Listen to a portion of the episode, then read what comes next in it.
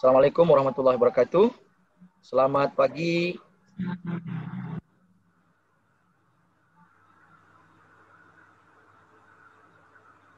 Selamat pagi dan salam sejahtera untuk kita semuanya. Uh, pagi ini kita sudah bersama para naras, eh, narasumber kita. Uh, kita banggakan Bapak Anyan Mkon dari STKIP Persada peristiwa di Sintang, Kalimantan Barat. Dan kita akan dipandu oleh Ibu Rukiah dari Universitas Tanjung Pura. Dan pagi ini kita akan bersama-sama belajar mengenai seluk-beluk persiapan akreditasi jurnal nasional. Nah, Bapak Ibu sekalian dari mana pun Anda berada, ini setelah bergabung di uh, ruang Zoom ini, teman-teman dari seluruh tanah air, ada dari Sumatera, dari Pulau Jawa, dari Kalimantan, ada Bali, ada Lombok, ya. Jadi terwakili dari barat sampai timur dan mudah-mudahan teman-teman semuanya dapat mengambil manfaat pagi ini. Perlu kami sampaikan bahwa relawan Jurnal Indonesia, uh, pengurus daerah Kalimantan Barat, memulai webinar seri pertama ini dengan uh, membincang masalah seluk-beluk persiapan akreditasi jurnal nasional. Nanti kita akan lanjutkan dengan uh, topik-topik uh, yang lain yang diperlukan oleh para pengelola jurnal untuk meningkatkan uh, kualitas pengelolaan jurnal kita sehingga kita mampu berkontribusi untuk uh, bangsa dan menjadi uh, bagi publikasi ilmiah di negara ini uh, dan bermanfaat bagi kita semuanya. Bapak Ibu sekalian, sebagai host, saya menyampaikan terima kasih yang sebesar-besarnya kepada pihak-pihak yang telah membantu. Yang pertama adalah dari relawan jurnal Indonesia, kemudian uh, dari beberapa eh, kawan-kawan uh, yang lain, bil khusus pada pengurus relawan jurnal Kalimantan Barat, pengurus daerah Kalimantan Barat, yang telah membantu kita semuanya untuk menyiapkan uh, relawan uh, kali ini. Untuk itu sekali lagi kami mengucapkan terima kasih dan bil khusus lagi kepada para peserta semuanya yang telah hadir bersama kita pada pagi ini. Mudah-mudahan apa yang kita lakukan pagi ini berkah dan menjadi amal baik kita pada kita sendiri maupun kepada bangsa kita. Untuk itu, mari kita mulai saja uh, webinar ini dengan sama-sama berdoa masing-masing. Dan setelah itu akan ya, uh, persilakan kepada moderator kita, Ibu Dokter Ibu Rukia untuk Ibu Dokter Rukia untuk memandu acara ini. Kita berdoa mulai dan nanti langsung diambil alih Bu Rukia. Terima kasih. Assalamualaikum warahmatullahi wabarakatuh. Selamat pagi dan salam sejahtera untuk kita semuanya.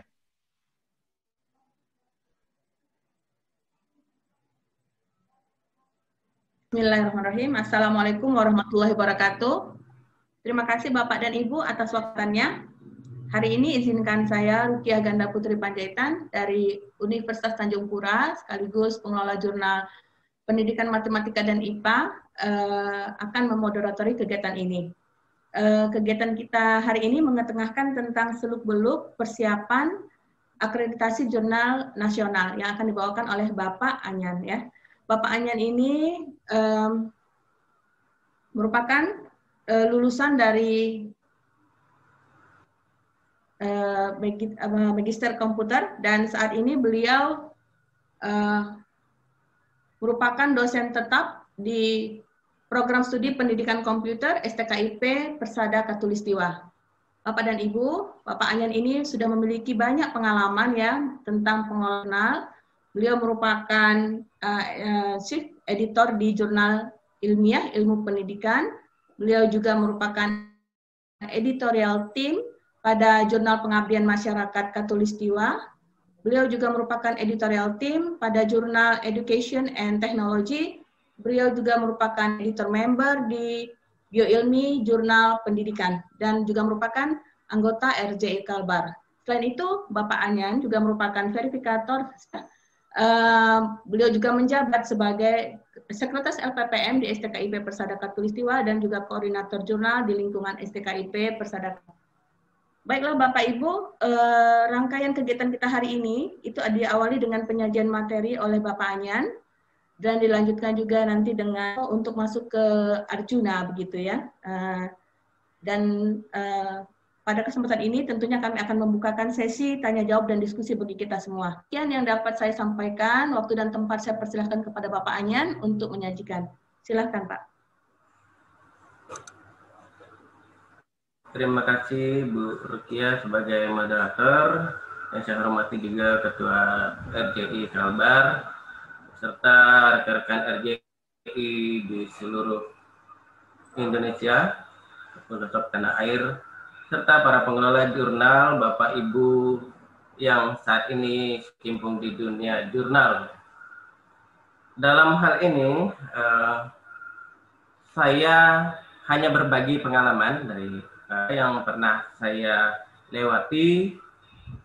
Saya yakin Bapak Ibu semua serta rekan-rekan semua sudah uh, banyak juga pengalaman pengalaman dalam mengelola jurnal baik suka dukanya kesulitan-kesulitan dan tantangan yang dilewati namun saya mencoba untuk berbagi beberapa pengalaman yang sudah uh, saya alami mulai dari uh, persiapan akreditasi sampai harus membenahi ketika Eh, beberapa catatan asesor yang harus uh, kita perbaiki untuk meningkatkan uh, akreditasi jurnal.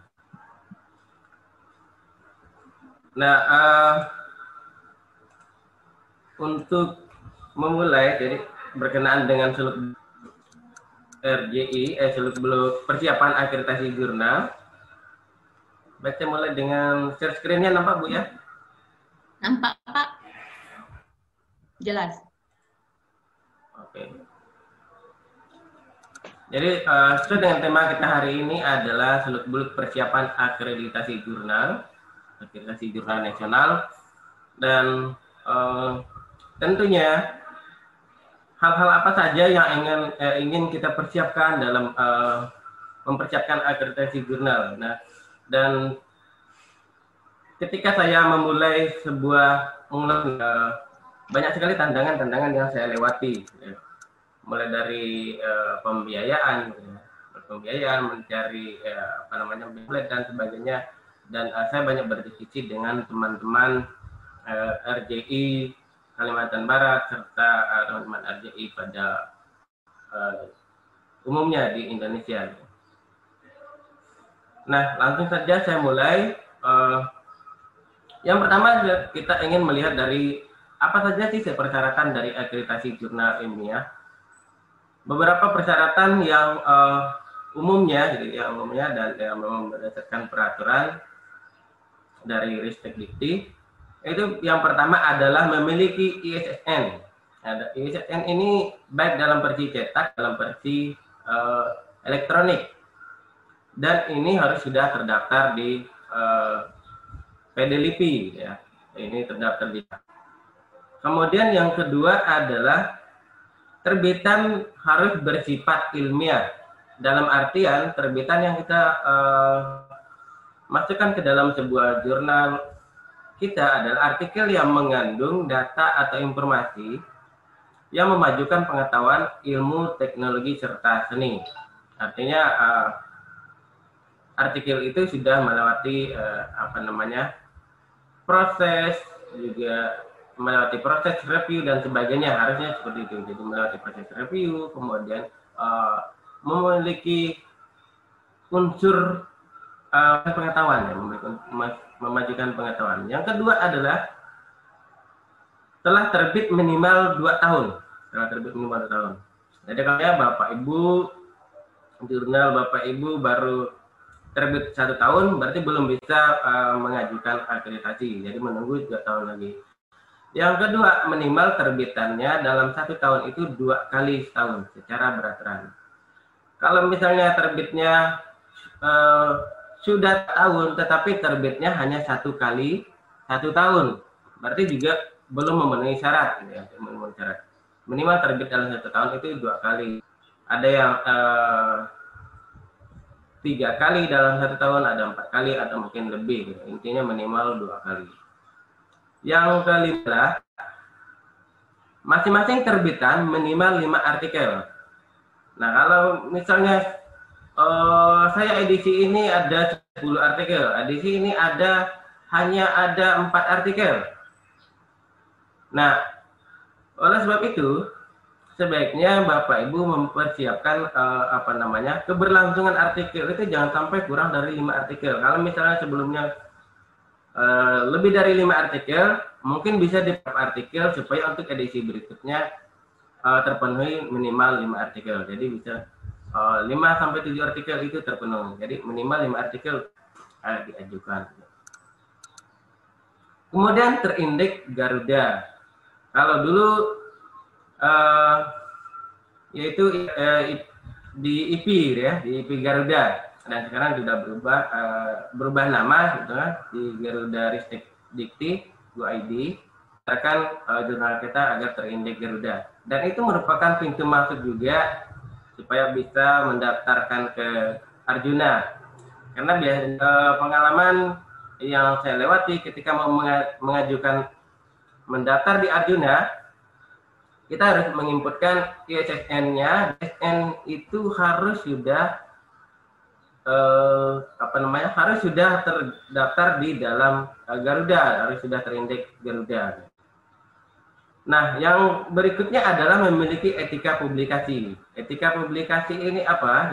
Di situ eh, berkenaan etika penulis, etika eh, editor, cep editor, gitu ya. kemudian etika uh, reviewer atau mitra bestari. Di situ di kewajiban tanggung jawab apa yang ada di situ. Gitu. Kemudian hal-hal yang harus dipersiapkan oleh pengelola jurnal. Nah ini berdasarkan pengalaman-pengalaman saya ketika saya mencoba men, uh, jurnal gitu. Jadi harus melengkapi hal-hal ini sebelum uh, saya mengajukan. Yang pertama adalah menyiapkan cover, kemudian uh, header. Nanti akan kita coba bahas satu persatu gitu. Ya. Kemudian mengisi identitas jurnal, identitas jurnal baik penamaan jurnal, deskripsi jurnal, history jurnalnya. Uh, di history jurnal menceritakan keadaan jurnal apa adanya ya, apa adanya mulai dari uh, kapan jurnal itu diterbitkan, kapan munculnya jurnal itu mulai uh, online gitu. Mungkin kan ada Bapak Ibu uh, yang mungkin jurnal sebelumnya itu versi cetak, lalu mungkin baru beralih ke versi online menggunakan OJS atau dan eh, lainnya. Gitu. Nah itu diceritakan di dalam history jurnalnya. Kemudian menyiapkan ruang lingkup jurnal, scope and uh, scope and dan fokusnya. Kalau misalnya jurnal kita itu di bidang apa saja, dipaparkan di sana ruang lingkup jurnalnya membuat uh, mengcover uh, artikel-artikel di bidang apa saja sehingga ketika nanti Bapak Ibu menerima artikel maka ruang lingkup jurnal itu yang menjadi patokan skop dan fokusnya itu menjadi patokan ketika kita menerima artikel. Kalau ada artikel masuk di luar dari skop dan fokusnya maka uh, sebaiknya tidak diterima. Boleh tidak diterima? Ya sebenarnya tidak. Masalah itu tergantung kebijakan dari uh, chat editor atau uh, uh, pengambil keputusan atau pengelola jurnalnya. Tidak masalah diterima. Tapi uh, nanti akan mempengaruhi penilaian akreditasi. Semakin uh, sesuai dengan ruang lingkupnya semakin fokus dengan bidangnya maka nilainya semakin uh, baik. Yang kedua adalah dewan redaksi.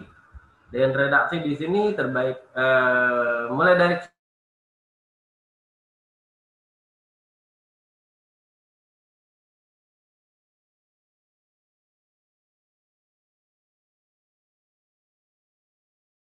uh, ini ya penyunting, kemudian wakil ketua penyunting, ini ya uh, ada wakil, bendahara, sekretaris, misalnya tidak seperti itu lagi.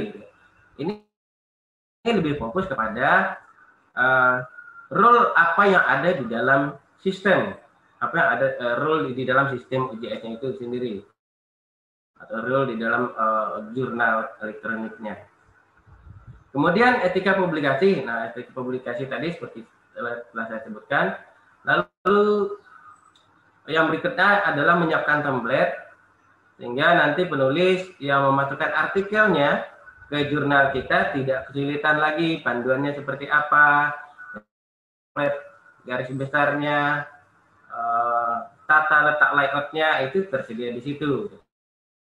Sehingga mungkin penulis bisa tinggal copy paste ke ininya. Uh, draft naskahnya tinggal copy paste pada template yang telah sehingga layoutnya tetap konsisten seperti yang uh, jurnal inginkan. yang berikut adalah membuat panduan membuat panduan atau petunjuk penulis. Nah, sebagai pengelola jurnal kita juga harus membuatkan panduan petunjuk penulis. Juga panduan untuk uh, petunjuk reviewer barangkali. Kemudian panduan atau petunjuk uh, editor. Sehingga uh, ketika mungkin ada pergantian pengelola jurnal dan sebagainya, ketika panduan-panduan itu sudah ada di dalam uh, jurnal kita, di dalam uh, sistem yang kita kelola ada ya, ada dan uh, dia akan bisa beradaptasi dengan menerapkan panduan-panduan itu. Kemudian mengajukan indeksasi, indeksasi ke lembaga-lembaga pengindeks. Nah ini perlu karena untuk uh, semakin banyak terindeks maka kan semakin bagus dan uh, penyebaran luasnya uh, artikel jurnal kita akan semakin lebih luas. Nah yang syarat utama adalah kita uh, terindeks di Google Scholar. Terindeks di Google Scholar, kita buatkan profil untuk uh, jurnal kita, kemudian dimasukkan artikel setiap edisinya ke dalam uh, Google Scholar ini kita. Kemudian terdaftar di Garuda. Nah itu minimal, minimal untuk bisa diajukan. Uh, setelah itu kalau memang ada, ada langkah bisa mengajukan ke pengindek-pengindek yang lain ada banyak pengindek gitu ya. Kemudian eh, mendaftarkan jurnal ke berkonter atau eh, eh, start counter, counter atau yang aplikasi visitor counter. Gitu. Apa saja, bisa super counter, eh, start counter atau hit start. Gitu. Ada banyak ya. Ada banyak. Intinya itu untuk melihat pengunjung yang ada di uh, masuk ke jurnal kita, kita bisa melihat pengunjung unik yang masuk ke jurnal kita atau melihat-lihat jurnal kita. Yang kemudian yang berikutnya adalah mendaftarkan lisensi jurnal ke Creative Commons.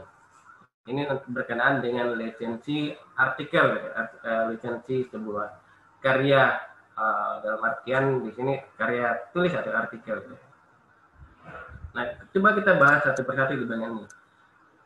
Di bagian untuk membuat cover, buatlah cover dengan dan header yang unik dan berciri khas. Nah, Bapak Ibu, saya kira uh, Bapak Ibu punya pemikiran yang berbeda-beda dalam membuat sebuah cover yang menarik. Diusahakan itu membuat sebuah uh, atau cover yang unik dan tidak mudah diubah-ubah. Sehingga nanti belum ke satu, dua, tiga dan seterusnya itu uh, covernya konsisten. Nah kalau misalnya nanti ada perubahan dan sebagainya, uh, bisa saja, gitu, ya, bisa saja, tetapi harus diceritakan dalam history uh, jurnalnya. Kenapa berubah dan mulai edisi berapa berubahnya. Nah, uh, kalau diceritakan seperti itu, kita di, uh, tidak dianggap inkonsisten gitu ya. Tapi kalau misalnya hari ini berubah, minggu uh, edisi berikut berubah, lalu kenapa penjelasannya tidak ada? Jadi harus unik dan konsisten. Nah, adalah penamaan jurnal atau identitas jurnal seperti yang saya bahas di awal tadi. Penamaan jurnal itu di semua uh, deskripsi jurnal dan sebagainya harus sama dengan di ISSN. Jadi harus sama dengan di ISSN, baik nama covernya, nama covernya, kemudian namanya, nama di uh, penamaan jurnalnya serta nama jurnal juga di uh, deskripsinya. Penamaan ini harus sama sesuai dengan yang terdaftar di ISSN. Jika tidak terdaftar, apa pengaruhnya? Jika tidak terdaftar, eh, tidak terdaftar apa yang di, ada di uh, ISSN dengan yang di jurnal kita itu tidak sinkron atau dianggap uh, apa namanya dianggap tidak tidak sesuai ya, tidak sesuai artinya seolah ini bukan jurnalnya kita gitu. Lo jurnalnya namanya ini, lalu di SSN-nya kok namanya ini, ini bukan yang ini berarti. Nah, gitu. Jadi kalau misal terjadi perbedaan sebelum diajukan sebaiknya dilakukan perubahan dilakukan perubahan bisa menghubungi uh, pihak LIPI ya, pihak LIPI yang ber, uh, dengan ISSN-nya.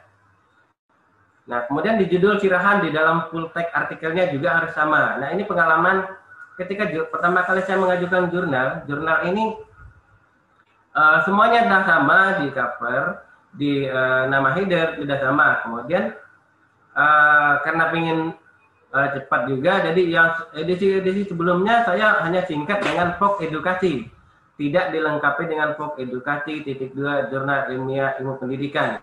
Nah, deklarasi ternyata itu dianggap tidak sama oleh asesornya. Akhirnya saya perbaiki dan dirubah, disamakan di supaya uh, yang terdaftar di SSN kemudian disamak persiskan dengan yang ada di cover, di header, di identitas jurnal lainnya. Semuanya harus sama persis. Kalau misal ada titik dua, titik dua ada misalnya kurung tutup, ada kurung tutup, ya samakan saja gitu. Pokoknya buat sama persis.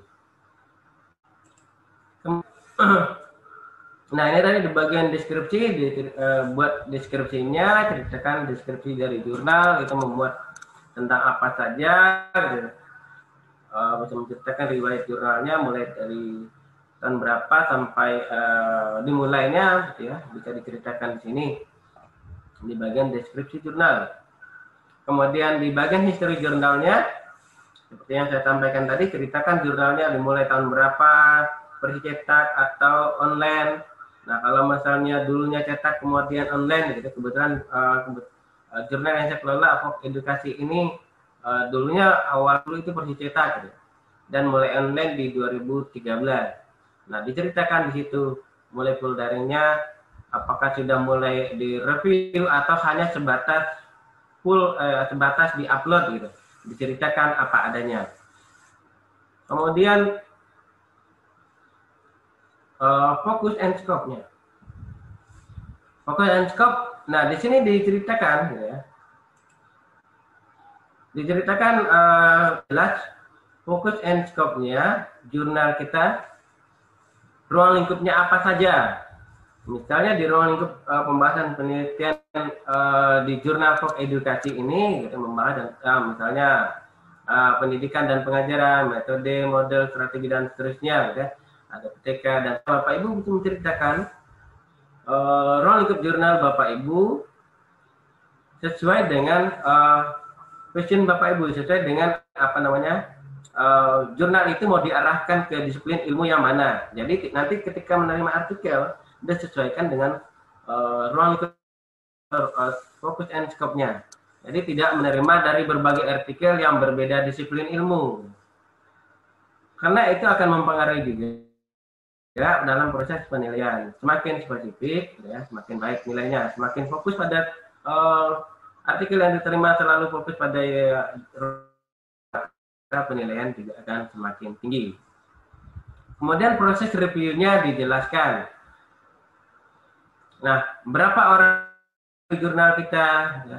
kemudian berapa lama mereviewnya diceritakan di sana. Lalu proses reviewnya uh, seperti ap, apa gitu ya. Apakah uh, via email atau via sistem gitu. itu diceritakan gitu.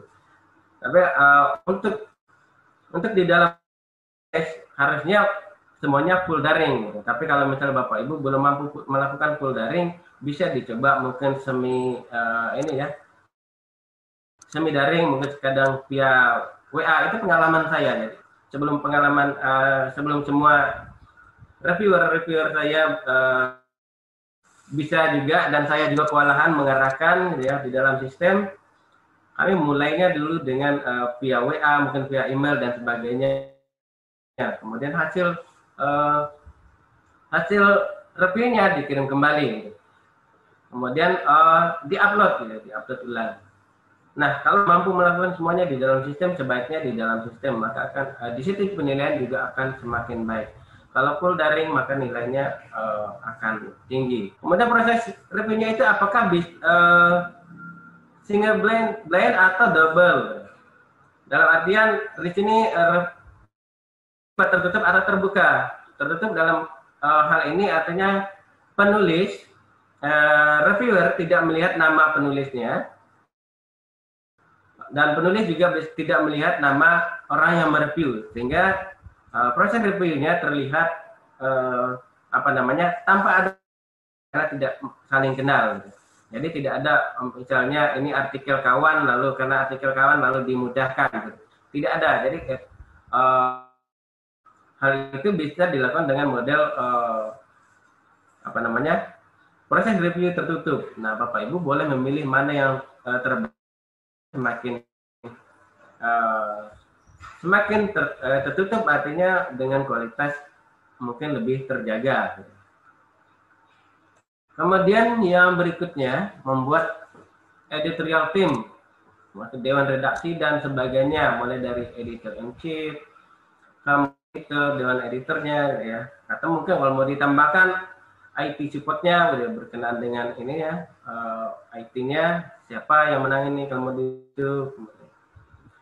Lalu uh, di editorial, editorial timnya harus dilengkapi dengan afiliasi dari uh, afiliasinya dari universitas mana, kampus mana di, disampaikan juga di situ. Lalu uh, serta CP. URL CP itu misalnya ini saya ambil contoh, mohon maaf kepada Pak Arfan ya, uh, rekan RJI, pinjam dulu kebetulan beliau uh, tergabung di dalam editor pop, uh, jurnal pop edukasi ini. Nah, kita linkkan ini ketika saya uh, klik namanya nanti muncul ke sini, lalu di di sini dilinkkan lagi dibuat URL kayak misalnya ke Orchid ID-nya, ke Google Scholar-nya, kemudian ID Sintanya, ID Scopus kalau ada. Nah ini uh, untuk melihat track record dari uh, si ini editor gitu ya, editor maupun reviewer. Begitu juga dengan yang reviewer ya. Di reviewer juga dibuat reviewer dilengkapi dengan afiliasi serta link CP-nya. Profil GS, profil Cinta, profil uh, diterahkan di sini dan itu bisa diklik diarahkan. Misal uh, ini saya ambil contoh maaf, maaf kepada Pak Toro saya pinjam namanya uh, kebetulan sebagai reviewer di sini. Ketika diklik di bagian uh, nama diarahkan ke link profil uh, Google Scholar-nya. Kemudian ketika diklik di ID cintanya diarahkan ke profil uh, profil cinta. Di ID Scopusnya diarahkan ke profil Scopusnya. Dan itu untuk menampilkan informasi mengenai uh, track record publikasi. Sehingga track record publikasi editor maupun reviewer kita bisa terlihat di situ. Dia sudah melakukan penelitian apa saja, mempublik aplikasi, eh, mempublikasikan aplik, uh, artikel tentang apa saja, gitu. sehingga rekam jejak itu dan uh, disiplin ilmunya bidang apa saja itu bisa uh, terlihat. Kemudian uh, yang berikut adalah membuat etika publikasi. Nah, etika publikasi ini seperti yang saya uh, sampaikan sebelumnya adalah uh, tanggung jawab editor, chief editor, dan tanggung jawab reviewer maupun penulis. Di sini diceritakan tanggung jawabnya apa, dia melakukan apa dan sebagainya. Yang menjadi tugasnya apa, menjadi tanggung jawabnya apa, kemudian hak dan kewajiban uh, di situ diceritakan di dalam uh, etika publikasi. Yang berikut adalah uh,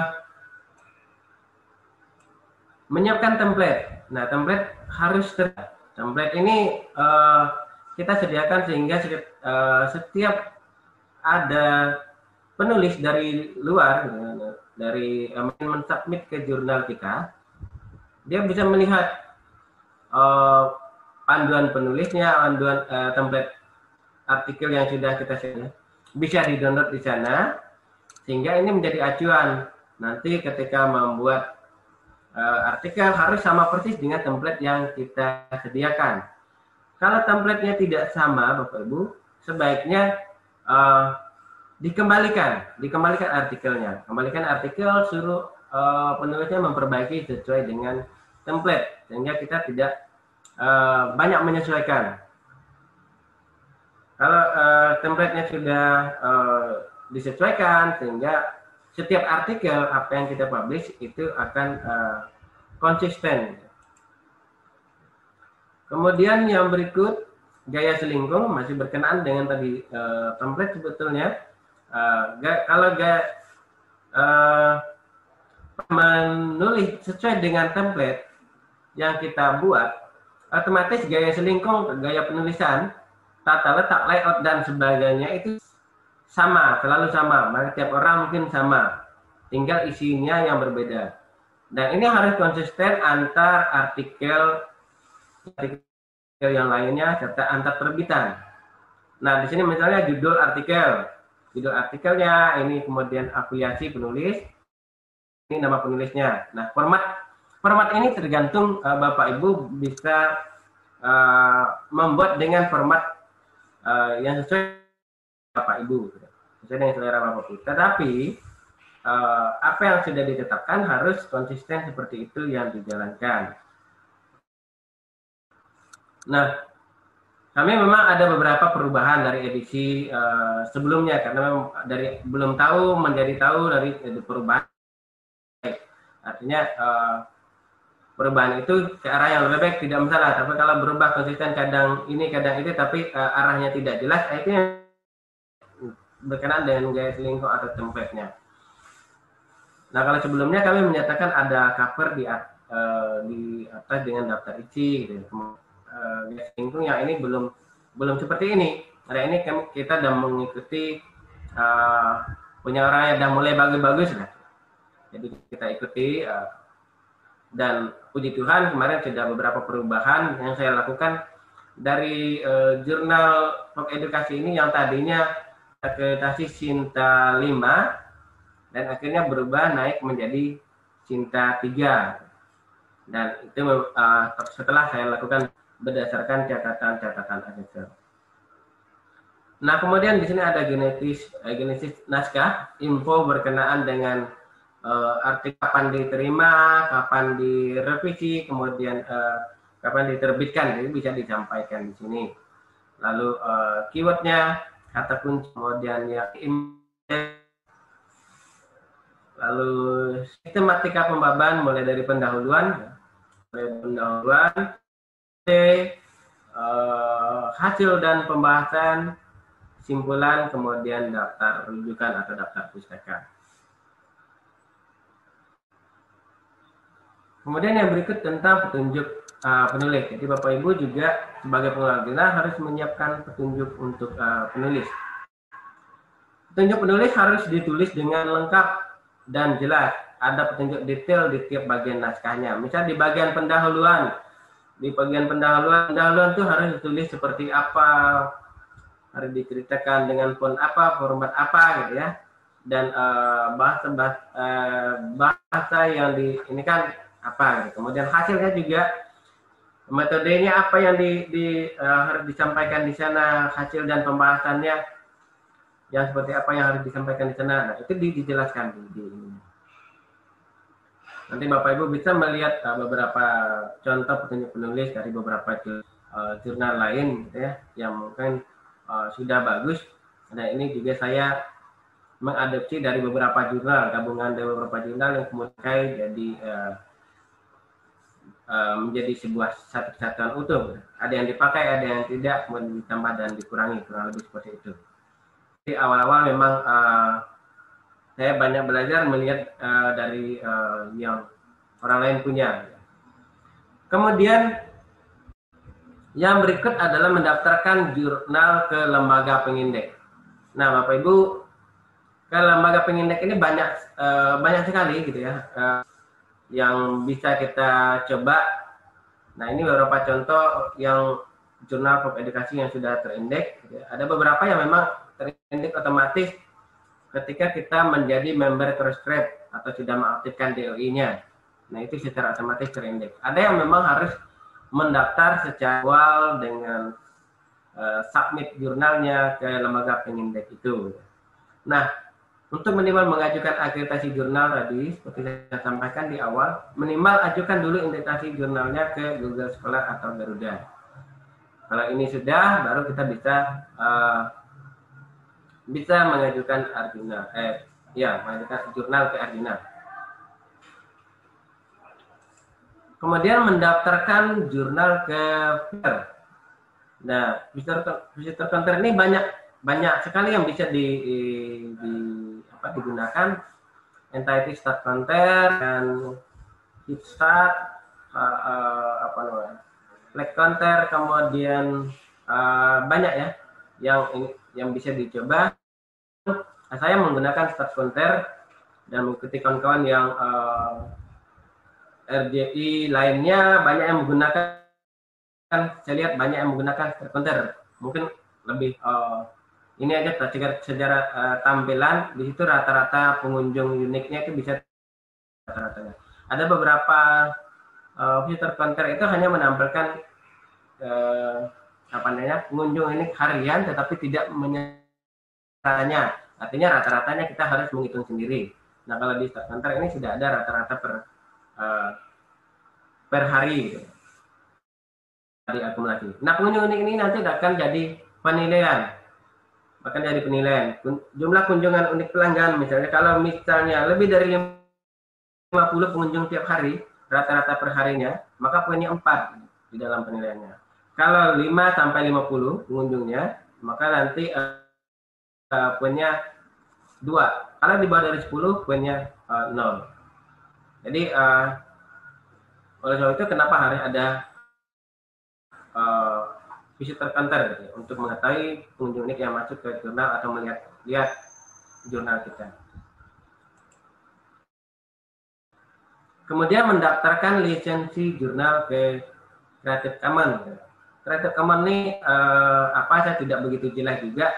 Intinya yang saya uh, apa namanya untuk memberikan lisensi hak cipta atau karya uh, dari sebuah artikel yang kita punya gitu. mungkin nanti teman-teman lain uh, rekan-rekan RJI mungkin bisa membantu kalau ada pertanyaan terkait ini. Creative Commons ini uh, organisasi nirlaba yang memfokuskan diri untuk memperluas cakupan karya kreatif yang tersedia untuk orang lain atau melegalkan. Jadi uh, artikel kita ini kan tersebar luas dan open access. Dan boleh didownload oleh siapa saja. Nah, supaya legal maka di, di, di ini kan eh, didaftarkan ke kreatif Commons ya, kreatif Commons sehingga eh, secara ini legal eh, secara apa namanya hak ciptanya legal gitu ya, di lisensinya legal dari Creative Commons dan itu bisa dipakai artinya bisa di uh, disebarluaskan luaskan dan dipergunakan misalnya untuk uh, apa ya jadikan referensi untuk menulis artikel dan sebagainya. Nah, kemudian syarat akreditasi jurnal nasional ini ketika kita sudah mengisi konfirmasi apa namanya ini saya pinjam gambar ini dari materinya Pak Penny ya Pak Penny saya mohon maaf uh, ketika kita telah mengisi borang di terakhir itu mau masuk ke submit atau konfirmasi siap akreditasi ini seperti ini. Jadi apakah jurnalnya sudah mencetak? Nah, tinggal tentang ya kalau sudah gitu ya. Kemudian jurnal sudah memiliki DOI, ya gitu. Kemudian apakah jurnal sudah e, minimal dua tahun terakhir? Iya. Setiap tahun minimal terbitan dua isu, ya. Minimal artikelnya lima artikel, kemudian situs mencantumkan pernyataan etika publikasi. Nah ini kalau misalnya di Arjunanya, gitu, di Arjunanya ketika kita sudah mengisi barang dan mau uh, ajukan submit ke ini uh, akreditasinya. Jadi ini pertanyaan yang muncul.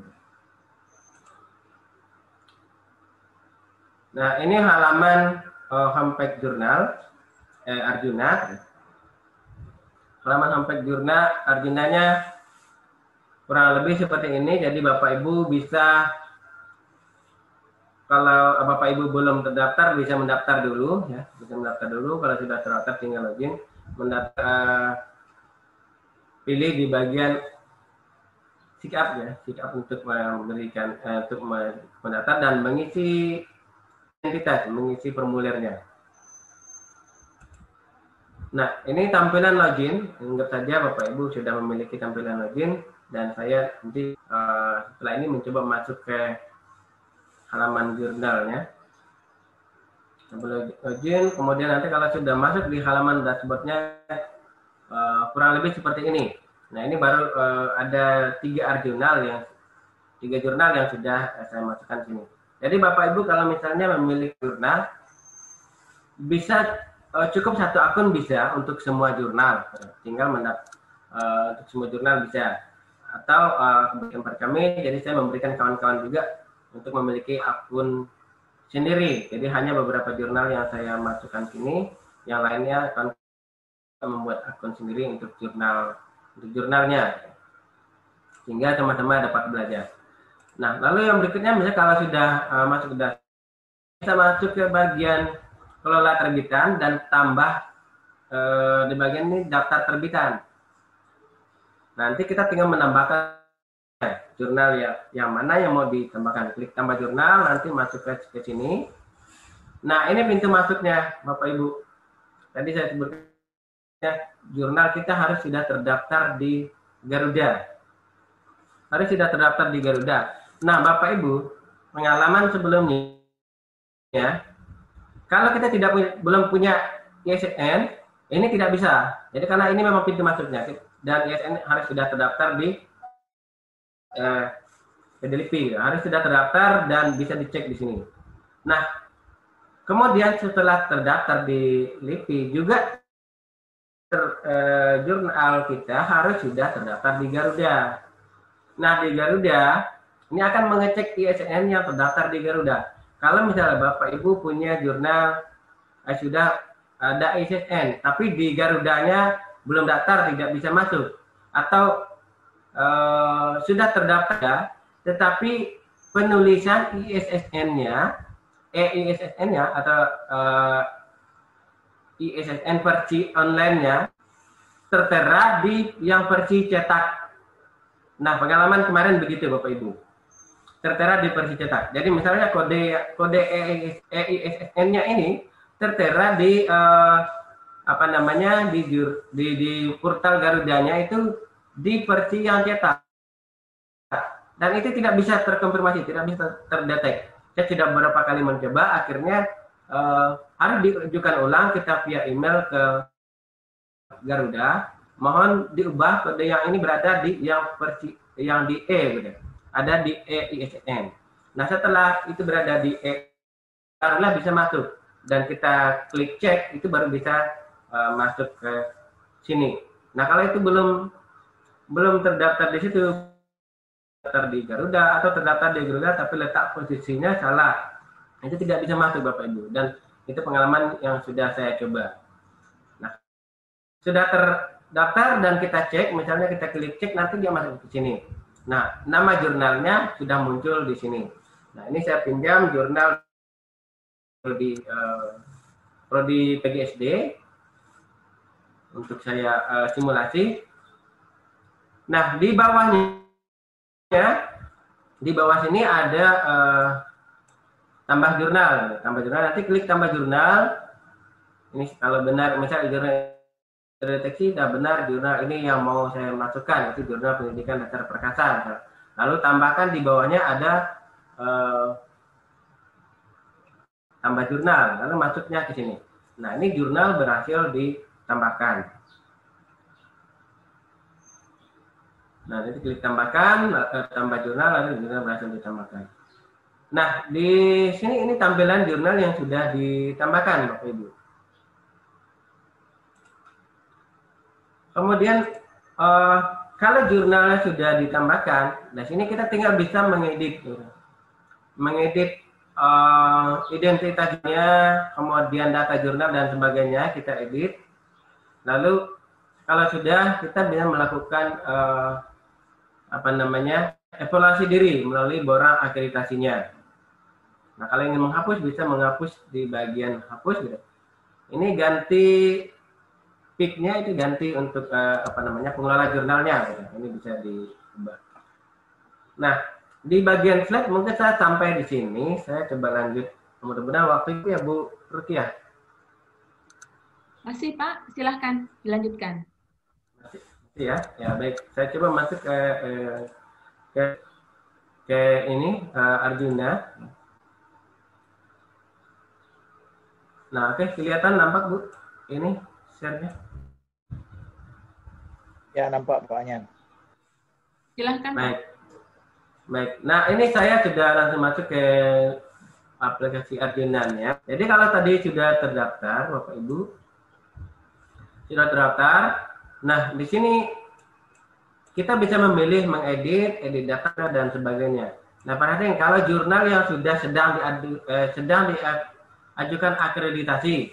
Nah, ini kebetulan sedang diajukan tapi belum di saya ajukan terakhir di tanggal eh, 10 Juli 2020. Nah, ini tidak bisa diedit, hanya bisa melihat data jurnal bisa kemudian melakukan uh, evaluasi diri atau mengedit borangnya sudah tidak bisa ganti hapus sudah tidak bisa ini hanya bisa kalau sudah proses uh, akreditasinya selesai baru bisa di atik lagi nah ini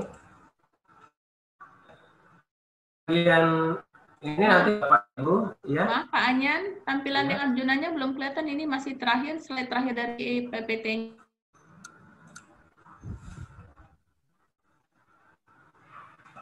Coba karena gimana bu nambah? Belum. Belum ya. Oh, sebentar saya sebentar.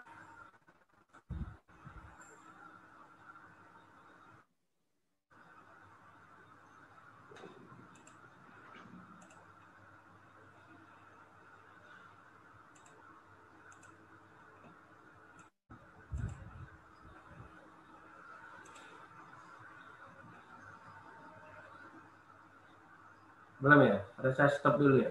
Mungkin Belum, stop Pak. dulu baru diulang, Pak. Stop dulu. Iya. stop dulu. Share lagi. Oke, bagaimana? Sudah, Pak. Oke, sudah ya. Uh, baik. Saya kembali ke halaman dashboardnya. Ini halaman dashboard. Lalu uh, kelola jurnal yang ada di ini. Nah, ini Bapak Ibu kalau jurnalnya sudah pernah diajukan, sudah pernah diajukan, Bapak Ibu tidak bisa mengedit di bagian ini. Edit sudah tidak bisa aktif gitu ya. Edit sudah tidak bisa aktif, hanya bisa melihat data jurnalnya. Ini data jurnalnya, misalnya ini saya contohkan jurnal uh, jur kami, jurnal pendidikan ekonomi. Kemudian uh, di bagian borang akreditasinya tidak bisa diedit, bisa uh, kemudian bagian pengelola, nama pengelola tidak bisa diedit lagi. Nah, kita masuk ke saya contohkan dengan jurnal pendidikan dasar perkasa ini belum uh, sehingga kita bisa melihat simulasi untuk di bagian uh, borang. Nah, ini misal kalau kita klik edit gitu ya, klik edit nanti masuknya ke sini. Di sini akan di uh, silakan nanti mengisi mengisi sesuai dengan uh, jurnal Bapak Ibu. Misalnya editornya siapa dan sebagainya di sini. Kemudian link dari setiap jurnalnya dibuatkan URL jurnalnya, kemudian link kontaknya artinya berkenaan dengan uh,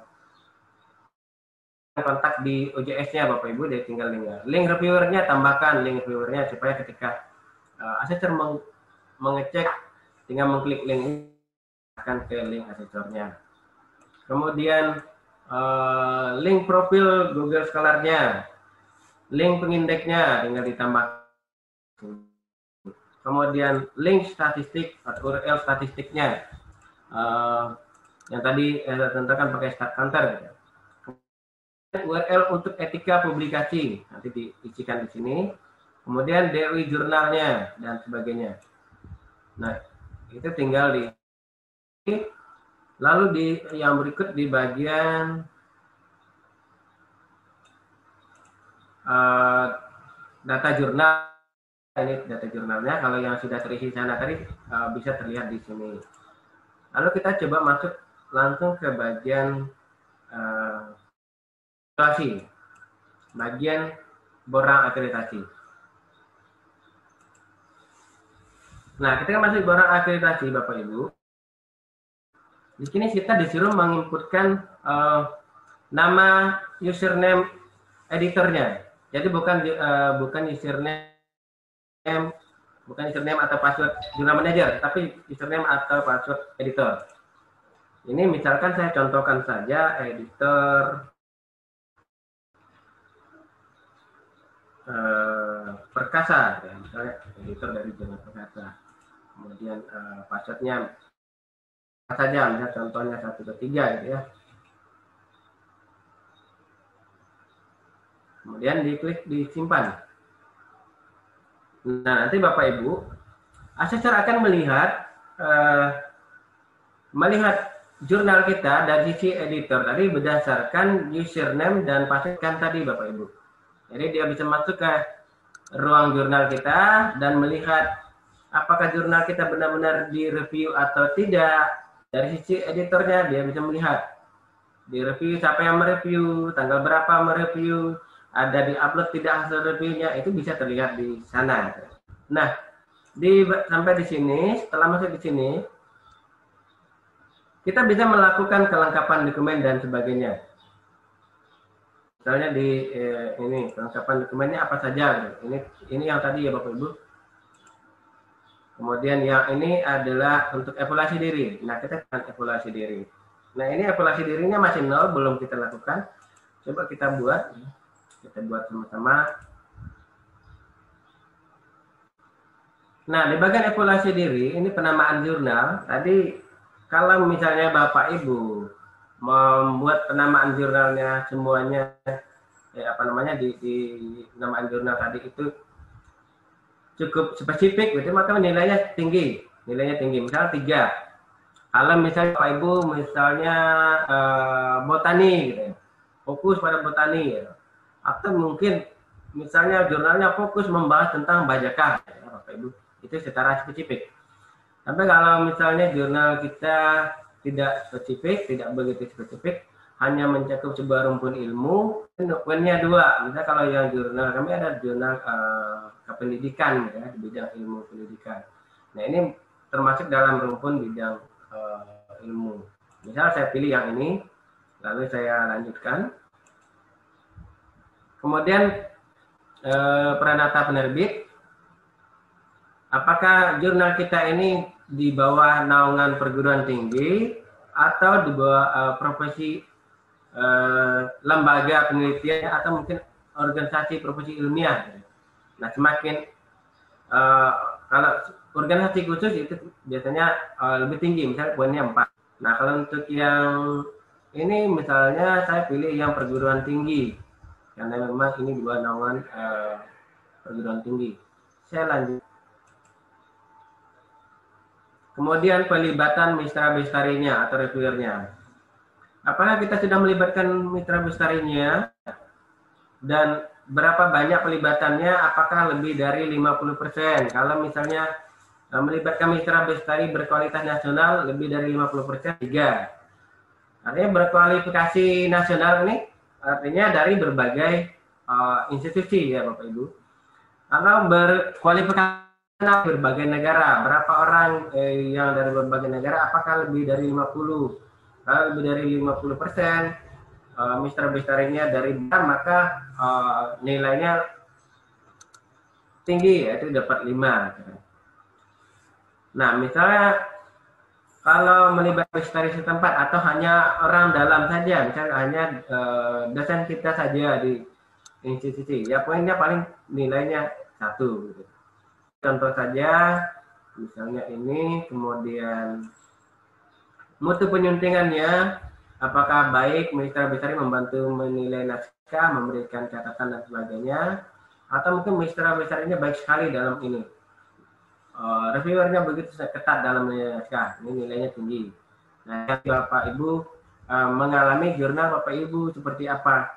Ini ceritakan apa adanya yang uh, Bapak Ibu punya dan penilaian evaluasi uh, evaluasi penilaian ini tidak berpengaruh tidak mempengaruhi penilaian dari asesor ya Bapak Ibu. Ini hanya untuk kita melihat sampai real yang kita punya Bapak Ibu. Oh, kalau saya misalnya isi ini oh, kurang lebih nanti nilainya seperti ini dan uh, kita bisa melihat kira-kira nanti dapat ranking uh, peringkat cinta berapa gitu Bapak. Nah ini misalnya saya contohkan saja ini.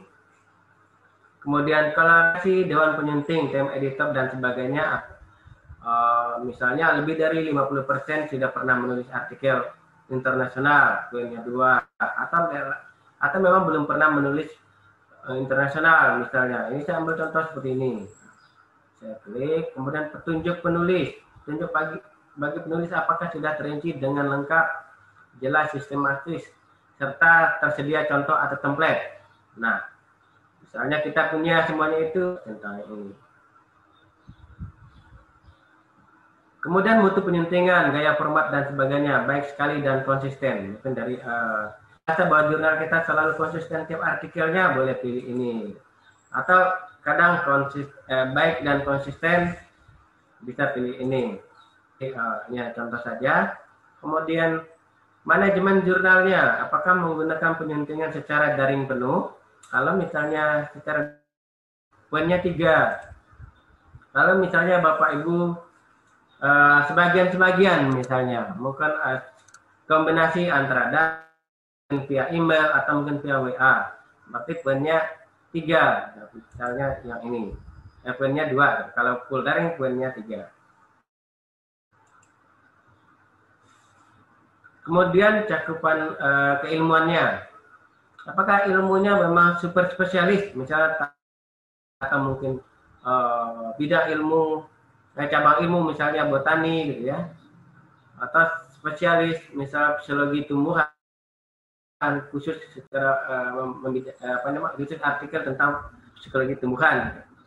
Nah, kalau untuk uh, jurnal kami kami memilih yang ini disiplin ilmu karena lebih ke perempuan ilmu ke pendidikan, ya pendidikan uh, pendidikan biologi, komputer, pendidikan matematika. Kemudian aspirasi wawasan, apakah bersifat internasional, regional, nasional, atau kawasan. Nah, Bapak Ibu bisa melihat dari uh, Bapak Ibu, apakah beraspirasi wawasan internasional ataupun uh, regional dan sebagainya. Saya coba pakai yang ini. Kemudian kepioneran ilmiah dari originalitas karya. Apakah betul-betul uh, karya kita itu original gitu ya? Uh, dari artikel kita itu original atau tidak. Nah, karya original atau membuat, uh, memberikan kontribusi ilmiah sangat tinggi, misalnya dari poinnya 6. Kalau kita merasa oh, ini hanya sedang-sedang kontribusinya ilmiah tinggi atau mungkin uh, kontribusinya cukup, kontribusinya cukup, kita bisa pilih yang ini sesuai dengan uh, real di jurnal Bapak Ibu makna sumbangsih bagi kemajuan ilmu. Seberapa nyata sumbangannya, nyata atau kurang nyata. Misal kita pilih yang ini. Kemudian dampak ilmiahnya. Dampak ilmiah ini bisa dilihat dari citasi. Jumlah citasinya, jurnal kita tuh disitasi eh, berapa banyak yang sudah mencitasi jurnal kita dari semua artikel yang ada di situ jumlah citasinya berapa. Kalau misal rata-ratanya ada eh, sangat tinggi, misal lebih dari 25, skornya kalau misal rata-rata 11 sampai 25, skornya 4. Kalau citasinya 6 sampai 10, berarti 3. Misalnya, saya pilih misal yang ini. Kemudian sumber acuan primer lainnya uh, sumber acuan daftar pustaka dan sebagainya apakah sudah mengacu uh, kepada acuan primer atau penulis utama buku, buku uh, kepada buku utamanya atau kepada uh, artikel si uh, penulis utama gitu ya. Nah itu Bapak Ibu bisa melihat apakah acuan dari uh, daftar pustaka dan sebagainya mengacu kepada nama atau tidak. Nah, itu bisa dilihat dari uh, artikelnya. Tinggal kalau misalnya lebih dari 80% nilainya 3, gitu. kalau misalnya 4 sampai 80% nilainya 2. Kemudian derajat kemutakhiran uh, pustaka acuan. Ini lebih ke berapa berapa tahun terakhir apakah masih uh, terbilang uh, acuan pustakanya itu masih terbilang baru atau tidak gitu ya. Atau memang sudah kadar luasa atau uh, apa namanya istilahnya sudah uh, 50 tahun kemudian yang menjadikan acuan tentu uh, itu tidak sudah tidak mutakhir lagi ya, tidak tidak terbarukan. Kemudian analisis dan sintesis, misalnya baik, cukup baik atau sangat baik. Misalnya saya coba ini.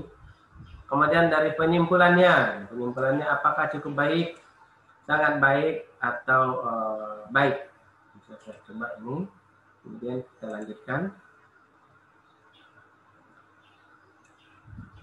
Kemudian keefektifan judul. Nah, judul lebih lugas atau eh, dan informatif. Apakah judulnya ringkas? Biasanya judul bukan uh, eh, 12 kata atau mungkin sebatas 15 kata gitu ya. Atau judulnya panjang-panjang gitu ya. Panjang-panjang, kurang lugas dan kurang informatif. Nah, Bapak Ibu bisa melihat yang mana. Kalau misal lugas dan informatif berarti poinnya satu. Kalau kurang berarti kurang 0,5. Misalnya seperti ini. Kemudian pencantuman nama penulis dan lembaga penulis. Nah, nama penulisnya apakah ditulis konsisten lengkap gitu ya, lengkap Eh, dengan afiliasinya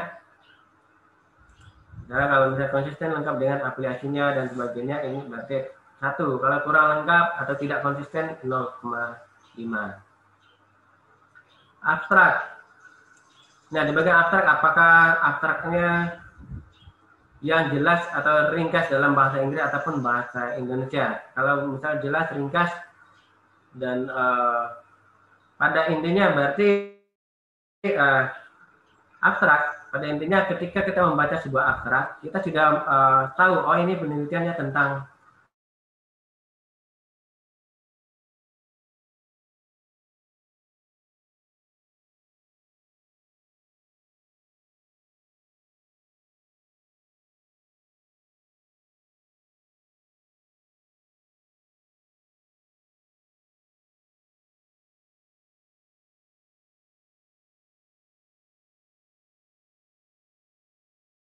seperti kita pilih. Kalau misalnya uh, sudah jelas ringkas bahasa Inggris dan bahasa Indonesia. Jadi sebaiknya Bapak Ibu kalau jurnalnya eh apa namanya artikel di jur, jurnal Bapak Ibu uh, artikel uh, ter, apa namanya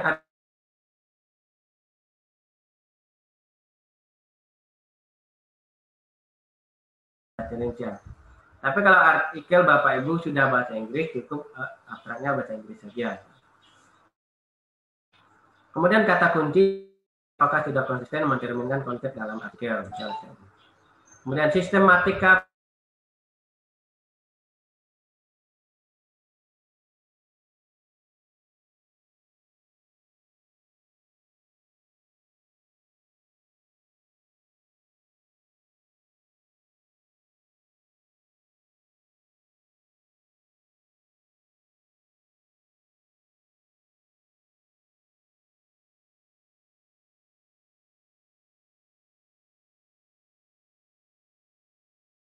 lebih ke ini Bapak Ibu kalau saya, saya belum begitu paham di bagian ini. Tapi kalau uh, saya uh, menelaah mungkin lebih ke arah misalnya penelitian Bapak Ibu disertai instrumen-instrumen penuh uh, ada kuesioner dan sebagainya misalnya. Apakah uh, uh, apa namanya ada kuesioner dan ada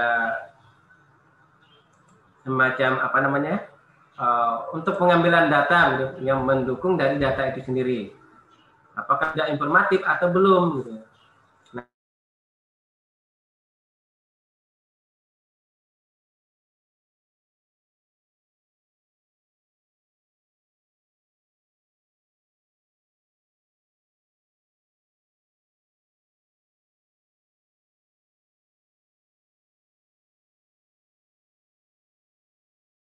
Aplikasi, standar. Aplikasi standar di sini menggunakan misalnya Mendeley atau EndNote atau mungkin uh, aplikasi lain yang digunakan untuk sebuah uh,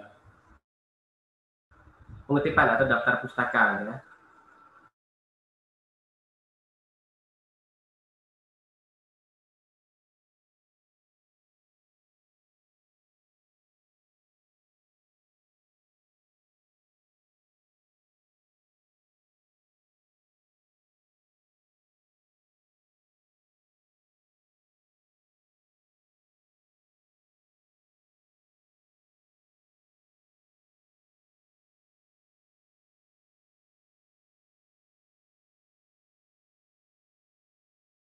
Seperti itu. Kemudian dilanjut. Kemudian ukuran tulisan, nah, ukuran tulisan harus konsisten Bapak Ibu. Konsisten konsisten dalam arti mungkin konsisten secara ukuran mungkin konsisten tetapi eh,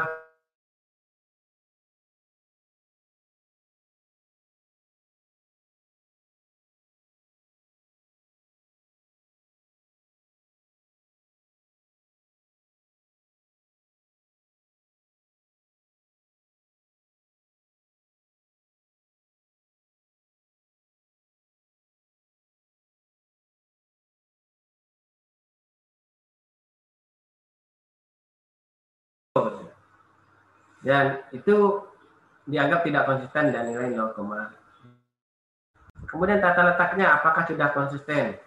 Tata letak ini berkaitan termasuk uh, tadi berkenaan dengan layout template garis lingkung tadi apakah sudah memang sudah konsisten antar artikel antar terbitan gitu. apakah semuanya sudah sesuai dengan template? Termasuk apakah juga sudah sesuai dengan template atau tidak Kemudian resolusi uh, dokumen, resolusi dokumen misalnya gambar gambar yang Bapak Ibu tampilkan di dalam uh, artikel Bapak Ibu apakah beresolusi rendah atau resolusinya tinggi. Nah, ini memang berpengaruh Bapak Ibu kalau kita gunakan gambar berkualitas resolusi tinggi, kadang uh, filenya cukup besar dan uh, ada yang susah untuk diupload gitu ya, susah diupload. Namun uh, tapi kalau bisa berhasil terupload dan ini nilainya tinggi karena kualitasnya lebih jelas gitu, karena lebih lebih jelas untuk gambar gitu ya. Tapi kalau misalnya nilainya resolusinya rendah, kualitas gambar ini skornya juga rendah, itu misalnya satu. Ini contoh saja. Kemudian jumlah halaman per volume. Halaman per volume ini halaman dari uh, artikel 1 sampai artikel misalnya Bapak Ibu punya artikel uh, eh, 5 sampai 7 artikel. Nah, dari artikel pertama sampai ke artikel ke 7 gitu Bapak Ibu itu jumlah uh, apa namanya halaman K. Misalnya 100 sampai 200 0,5 atau 200 sampai 400 lebih gitu dapat 0 uh, kami mungkin biasanya karena pakai ini karena uh, halaman uh, 5 artikel sampai 7 artikel itu kadang tidak sampai tidak lebih dari 200 halaman. Karena satu artikel paling sekitar 14 uh, apa namanya 14 halaman atau mungkin 11 12 halaman. Desain tampilan halaman web atau sampul. Nah ini tadi berkenaan dengan desain uh, cover ciri khas gitu ya, header dan sebagainya, informatif dan bersiri khas, maka nilainya tinggi. Ini nilainya satu. Kemudian jadwal penerbitan. Nah, jadwal penerbitan Bapak Ibu apakah uh, selalu sesuai dengan periode yang ditentukan atau mungkin ada beberapa Bapak Ibu sudah tidak sesuai dengan jadwal penerbitan, tetapi ada delay misalnya karena artikelnya belum cukup lalu Bapak Ibu. Nah, ini uh, kalau kita mampu menerbitkan tepat waktu sesuai dengan periode yang ditentukan, maka nilainya uh, tinggi dua. Tapi kalau tidak konsisten, tidak sesuai dengan periode, nilainya satu. Penomoran penerbitan harus baku dan bersih untuk dapat menilai tinggi. Baku dan persistem itu Bapak Ibu artinya penomoran dimulai dari uh, untuk artikel nomor uh, apa namanya kolom satu nomor satu dimulai dari satu sampai sekian. Nanti uh, untuk edisi berikutnya misalnya kolom satu nomor dua. Nah kolom satu nomor dua itu melanjutkan penomoran dari kolom satu nomor satu. Jadi di kolom satu nomor dua tidak mulai dari satu lagi Bapak Ibu, tapi melanjutkan nomor dari kolom satu nomor satu. Nah kalau misalnya nanti di terbitan berikut kolom dua, nah itu udah e, ganti edisi, berarti mulai dari satu lagi, dari satu lagi. Dalam satu e, dalam satu kolom itu e, penomoran berkesinambungan sampai berganti kolom berikutnya. Penomoran halaman berurutan dalam satu kolom. Nah ini kalau misalnya berurutan dalam satu kolom maka nilainya uh, satu. Kalau tidak berurutan atau mungkin uh, tidak sesuai nilainya nol. Nanti, jadi saya sekali kalau sampai nilainya nol. Indeks tiap kolom, ya. indeks tiap kolom subjek pengarang terinci. Apakah uh, berindeks sub, subjek saja atau uh, uh, pengarang saja? Nah, nah ini silakan Bapak Ibu pilih. Kemudian jumlah kunjungan unik dan tadi yang pakai start counter ya Bapak Ibu atau mungkin pakai visitor counter aplikasi yang lain. Kalau pengunjung uniknya lebih dari 50 maka nilainya 4. Kalau pengunjung uniknya rata-ratanya tidak sampai 50 misalnya 5 eh, 10 sampai 50 skornya 4. Misalnya untuk uh, yang masih baru mungkin belum sampai di atas 50. Misalnya ini saya pilih ini. Kemudian pencantuman di pengindeks internasional ber Nah, apakah kita, kita sudah ber, uh, terindeks inter, uh, terindeks internasional atau oh, kalau belum berarti uh, apakah ter, ya, bereputasi sedang gitu. misalnya kayak DOAJ gitu ya atau bereputasi tinggi fokus gitu. internasional bereputasi tinggi atau kapus atau hanya tercantum di lembaga pengindeks internasional bereputasi rendah. Nah, silakan Bapak Ibu pilih. Kemudian alamat atau identitas unik artikel. Nah, Bapak Ibu, Bapak Ibu sudah memiliki DOI, sudah terdaftar uh, artikel Bapak Ibu sudah diaktifkan DOI-nya, maka nilainya dua. Tapi kalau belum ada DOI, maka nilainya uh, satu atau tidak tidak ada sama sekali. Atau memilih halaman permainan lain misalnya eh, yang bukan DE gitu ya tidak ada. Nilainya hanya satu. Jadi sebab itu bapak ibu wajib kita punya uh, doi dan uh, bisa uh, ke cross untuk doi nya atau untuk lebih murah bisa lewat dari RJI lewat RJI uh, lebih murah Kemudian uh, ini sudah selesai, bagian evaluasi sudah selesai. Kemudian kita coba kembali ke ini.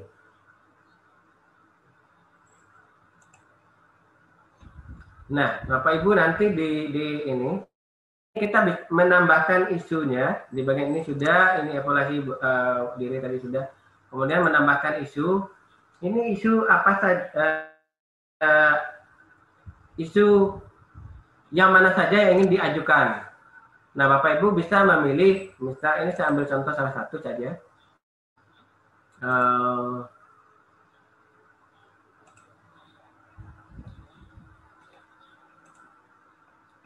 nah, sudah beberapa isu ya Bapak Ibu.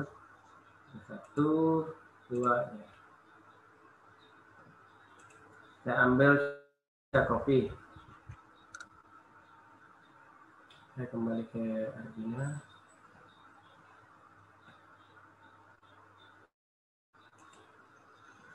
ya ini URL isunya misal tadi ini saya masukkan ke sini lalu eh, tuliskan deskripsi dari eh, judul dari isu ini kemudian volumenya berapa gitu ya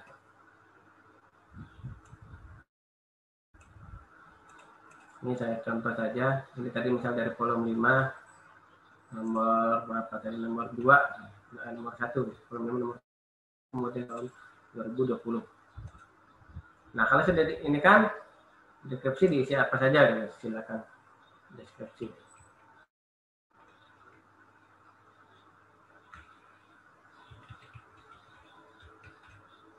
Kemudian tambahkan itu. Nah, sudah ditambahkan ada muncul di, di sini. Misalnya volume 1 nomor 5. Nah, itu sudah. Tinggal ditambahkan lagi. Tambahkan. Nah, uh, syarat untuk pengajuan pertama kali, Bapak Ibu, untuk pengajuan pertama kali, pengajuan akreditasi pertama kali, kita harus uh, menambahkan lima, eh, 4 isu, 4 nomor uh, empat nomor ya, atau empat nomor uh, terakhir. Empat nomor terakhir yang harus kita uh, masukkan tambahkan ke isinya kalau misalnya untuk melakreditasi misalnya bapak ibu sudah pernah terakreditasi dan ingin menaikkan uh, akreditasi jurnalnya bapak ibu bisa mengajukan ajukan edisi terakhir saja mengajukan edisi terakhir saja. Kalau pertama kali mengajukan empat edisi atau empat nomor terakhir. Nah, mungkin itu kalau uh, contoh ini, kemudian nanti ada bagian siap akreditasi. Nah, nah di sini Bapak Ibu, mudah-mudahan saya tidak lupa jangan submit ya. Tapi ini, ini baru contoh. Nah, ketika setelah belum dan eh, evaluasi diri diisi, kemudian isi tadi diisi, kita bisa konfirmasi siap akreditasi. Siap akreditasinya apakah ISN-nya sudah ada? Ya, benar benar. Kemudian eh, ini aktif atau tidak aktif. Sudah minimal dua tahun berturut-turut, ya. Kemudian terbit minimal eh, setiap tahunnya dua terbitan. Minimal apakah lima artikel. Kemudian apakah sudah mencantumkan etika publikasi. Nah ini baru kalau misalnya Bapak Ibu sudah merasa yakin tidak ada perbaikan baik di evaluasi diri maupun perbaikan-perbaikan tampilan jurnalnya, silakan dilakukan submit. Nah, mungkin itu yang bisa saya tambahkan. Untuk yang ini, ini saya batalkan. Ini sebagai contoh. Nah, nanti setelah di submit Bapak Ibu, saya uh, coba menampilkan uh, ini Kemajuan akreditasinya bisa dilihat. Nanti kalau misalnya setelah disubmit, kita bisa memantau di sini.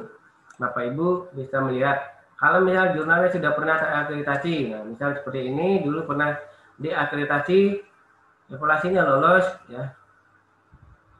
Kemudian tanggal penilaian, hasil penilaiannya, ini dulu dia dapat cinta 5 ya, dapat cinta 5, dan ini sudah saya ajukan akreditasi, dan puji Tuhan sudah naik ke cinta 3. Tetapi di dalam dalam sistem ini belum berubah. Nih. Baru kemarin uh, keluar SK pengumuman ya, pengumuman terakreditasi cinta 3. Nanti tampilan uh,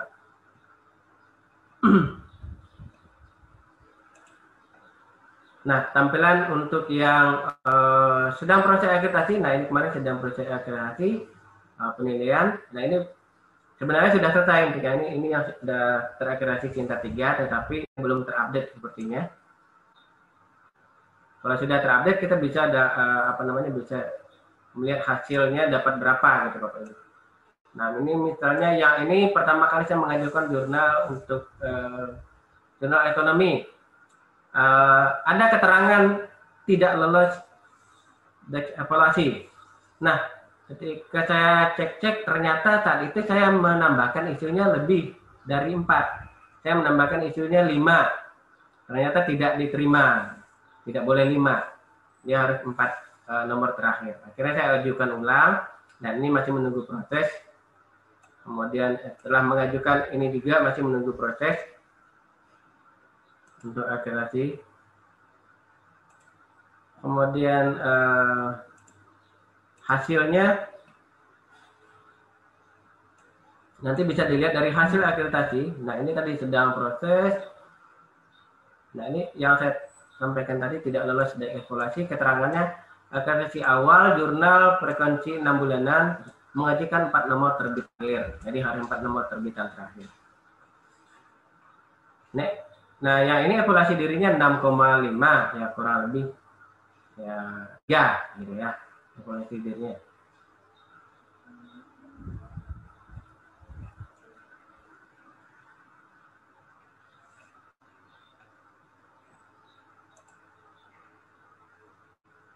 Nah, ini uh,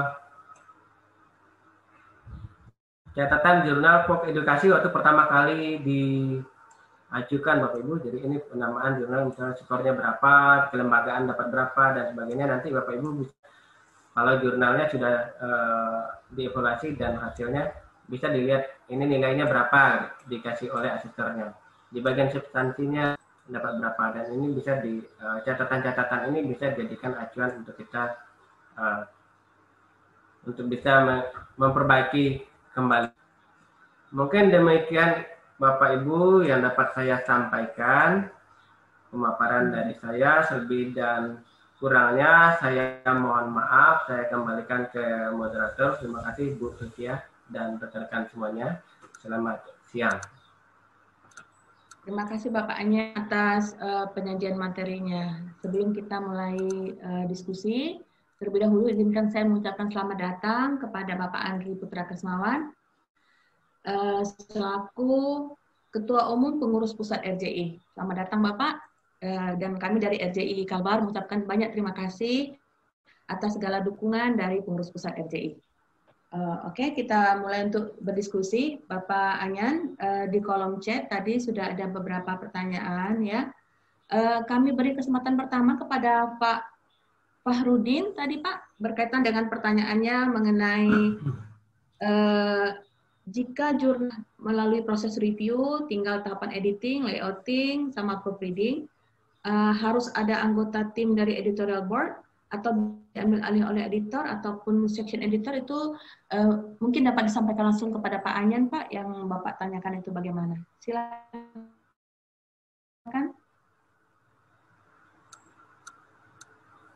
Pak Fahrudin, silahkan dihidupkan dulu. Ya. ya. Assalamualaikum Pak Anyan. Ya, betul.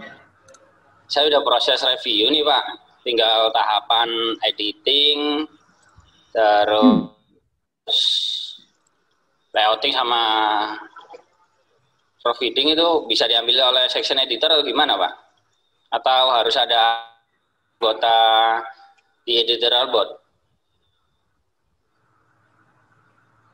Ya, uh, kalau saya gitu, uh, saya biasa mungkin uh, begini, kalau memang tim keterbatasan tim, gitu ya, keterbatasan tim, jadi uh, kalau misalnya editorial timnya banyak, gitu ya, editorial timnya banyak, jadi dari chef editor bisa mengarahkan uh, editor gitu, untuk membantu mengawal jurnal eh, mengawal artikelnya yang sudah diarahkan ke reviewer.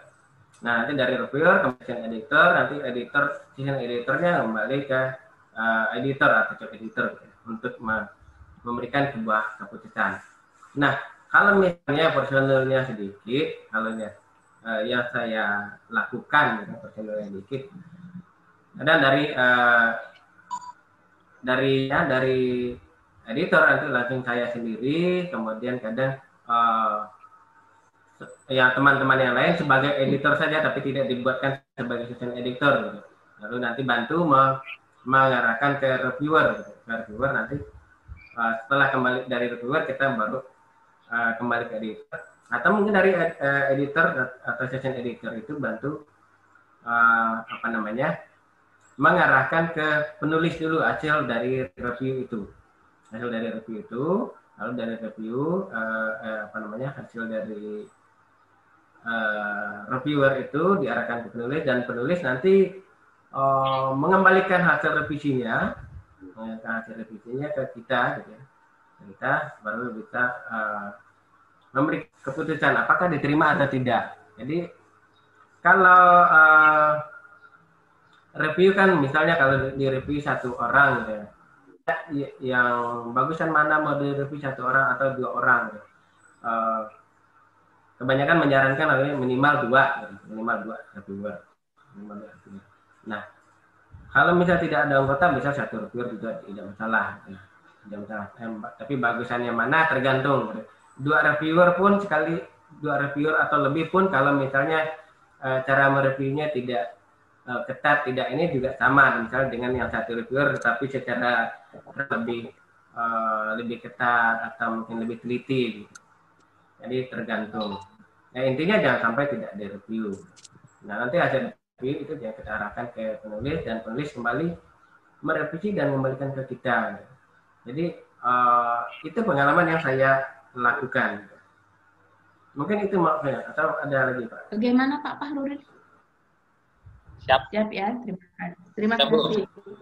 Uh, Pak Anyan, tadi ada chat dari uh, pertanyaan dari uh, YouTube. Pertanyaannya itu tentang persyaratan mengajukan akreditasi misalnya sudah Sinta 4, ya. uh, beliau ingin mengajukan ke Sinta 3, kira-kira syarat apa yang perlu dipenuhi begitu? Silakan Pak. Baik, Bapak Ibu, uh, pengalaman kemarin begitu ya Bapak Ibu, misalnya, uh, ketika saya uh, dari Sinta 5 kan akreditasi ke Sinta 3. Nah sebenarnya secara syarat itu sama saja syarat syarat pengajuan awal maupun pengajuan ini utamanya sama gitu ya. harus ada ASN dan sebagainya. Kalau sudah sudah pernah uh, mengajukan akreditasi berarti syarat itu sudah dilewati. Nah untuk mungkin yang dimaksud adalah supaya naik peringkat gitu ya. Supaya naik peringkat. Nah kalau saya kemarin itu agar saya memperhatikan catatan-catatan dari asesor. Catatan-catatan dari asesor kan bisa dilihat dari uh, akun Arjuna tadi itu bisa dilihat catatan di bagian mana yang kita kurang kita uh, perbaiki. Di bagian penamaan lembaga dan sebagainya kalau misalnya ada perbaikan ada catatan uh, kita perbaiki. Jadi itu biasanya minimal dua asesor dua asesor yang memberikan catatan. Kita bandingkan catatan kedua asesor itu mana yang harus perbaiki yang misalnya kita mampu perbaiki kita perbaiki. Yang belum mampu kita perbaiki ya kita tangguhkan dulu semampunya gitu. nah uh, apakah yang setelah kita perbaiki nanti uh, diajukan kembali langsung naik peringkat atau tidak itu tergantung. Tergantung dari persepsi uh, uh, penilaian asesornya apakah uh, yang punya kita yang sudah kita perbaiki itu mencapai kriteria yang dimaksud atau tidak. Intinya kita sudah melakukan perbaikan melakukan perubahan-perubahan sesuai dengan uh, catatan sesuai dengan catatan asesor sehingga uh, proses perbaikan menuju kualitas jurnal yang lebih baik itu sudah uh, mulai terlihat. Mungkin itu yang bisa ya, saya sampaikan. Oke, okay.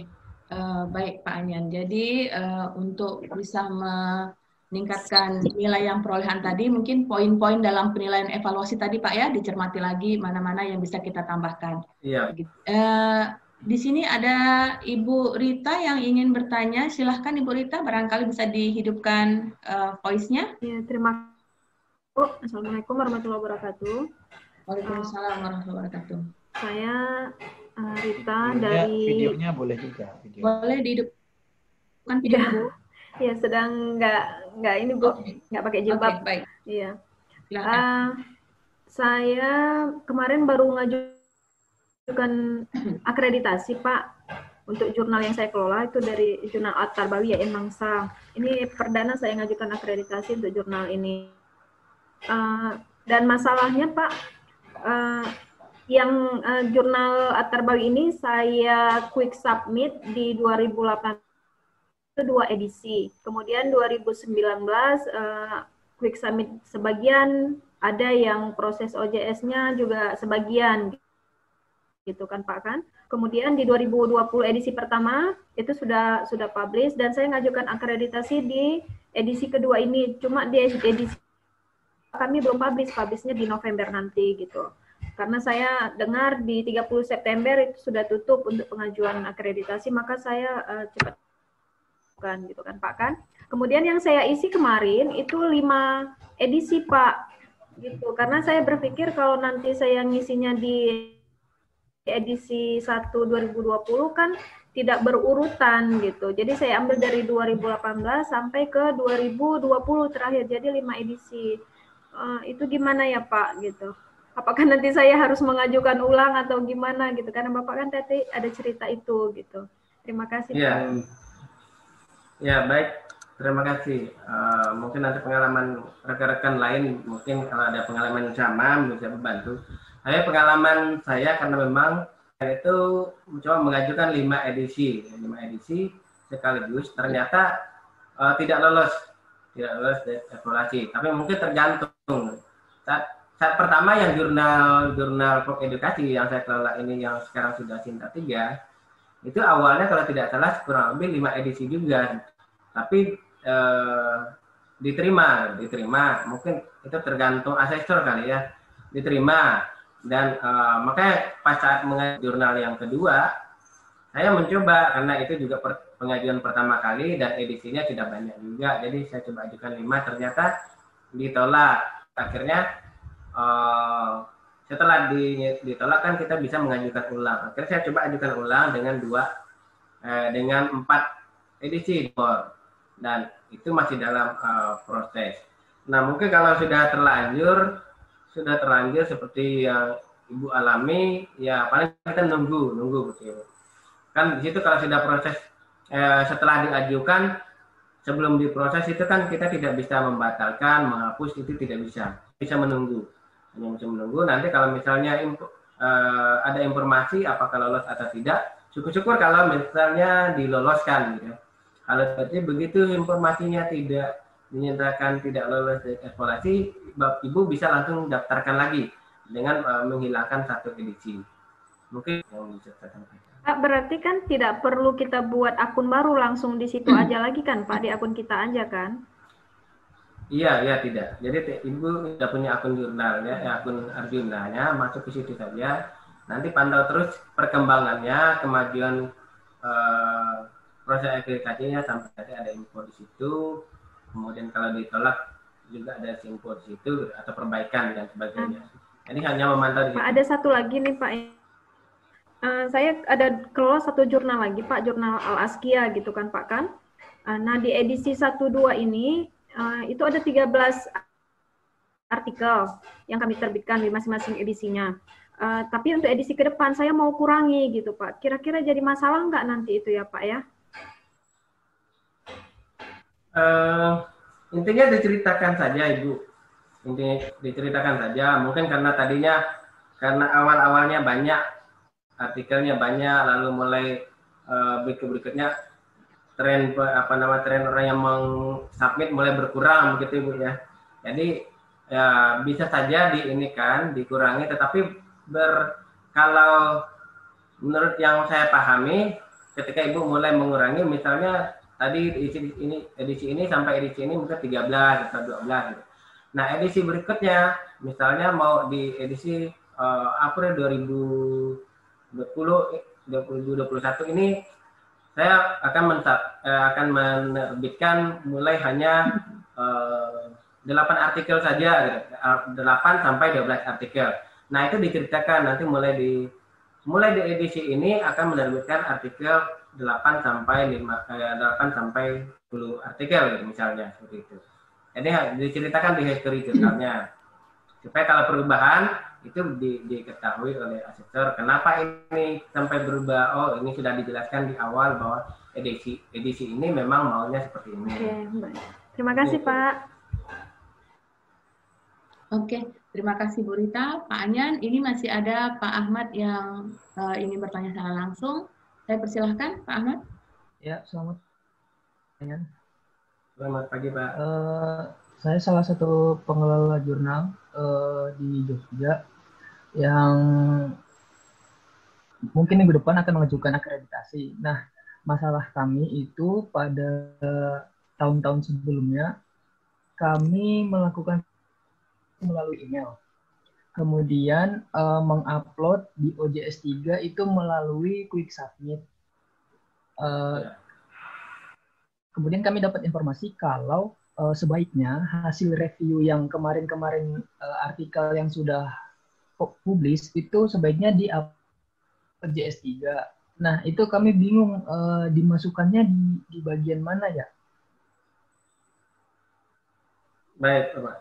Nah, apa dasarnya maupun UJS 3 ataupun UJS 2, jadi mungkin yang dimaksud tadi yang dimaksud Bapak adalah hasil-hasil review yang sebelumnya itu mau diupload di mananya gitu ya Pak ya? Di bagian di sesi mana nah, di OJS itu? Ya, itu maksudnya kayak bagian in editing. Di bagian in editing nanti kan di situ ada uh, tempat untuk mengupload uh, atau misal kalau misalnya sebelumnya pakai quick submit gitu ya quick submit uh, lalu di di situ kita tambahkan reviewer untuk menguploadnya atau mungkin dari editornya bisa menguploadnya hasil reviewnya gitu. tapi kalau kalau misalnya ini uh, kalau misalnya di review oleh reviewer sebaiknya reviewernya itu sendiri mem, ini dibantu upload mengupload kan di bagian eh, dibuat saja misalkan tadinya belum belum sistem uh, eh, OJS gitu ya sistem SSN gitu ya, saat mereview nanti dibuat buat saja diupload saja apa pun hasilnya nanti tergantung asesor gitu. intinya apa yang ada kita coba usaha, usahakan disampaikan gitu. kalau dulu kami memang seperti itu jadi awalnya versi email kemudian uh, reviewnya juga masih versi cetak gitu. Kalau misalnya uh, reviewnya misalnya coret-coret di kertas kan mungkin uh, reviewernya kita atau uh, apa mitra bestarinya itu, itu belum semuanya paham di OJS. Tidak masalah dia membuat coretan-coretan di kertas lembar lalu di scan lalu di upload. Jadi uh, sehingga itu bisa jadi hasil uh, reviewnya.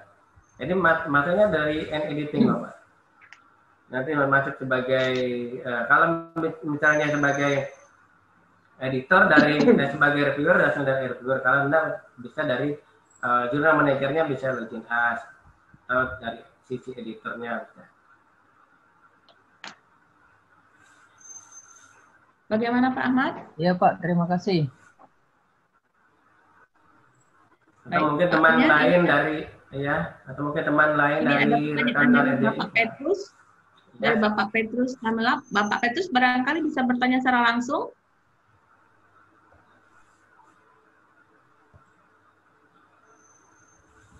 Atau saya bacakan pertanyaannya. Eh, Bapak Petrus ini pengelola dari jurnal di jurnal Pastoralia.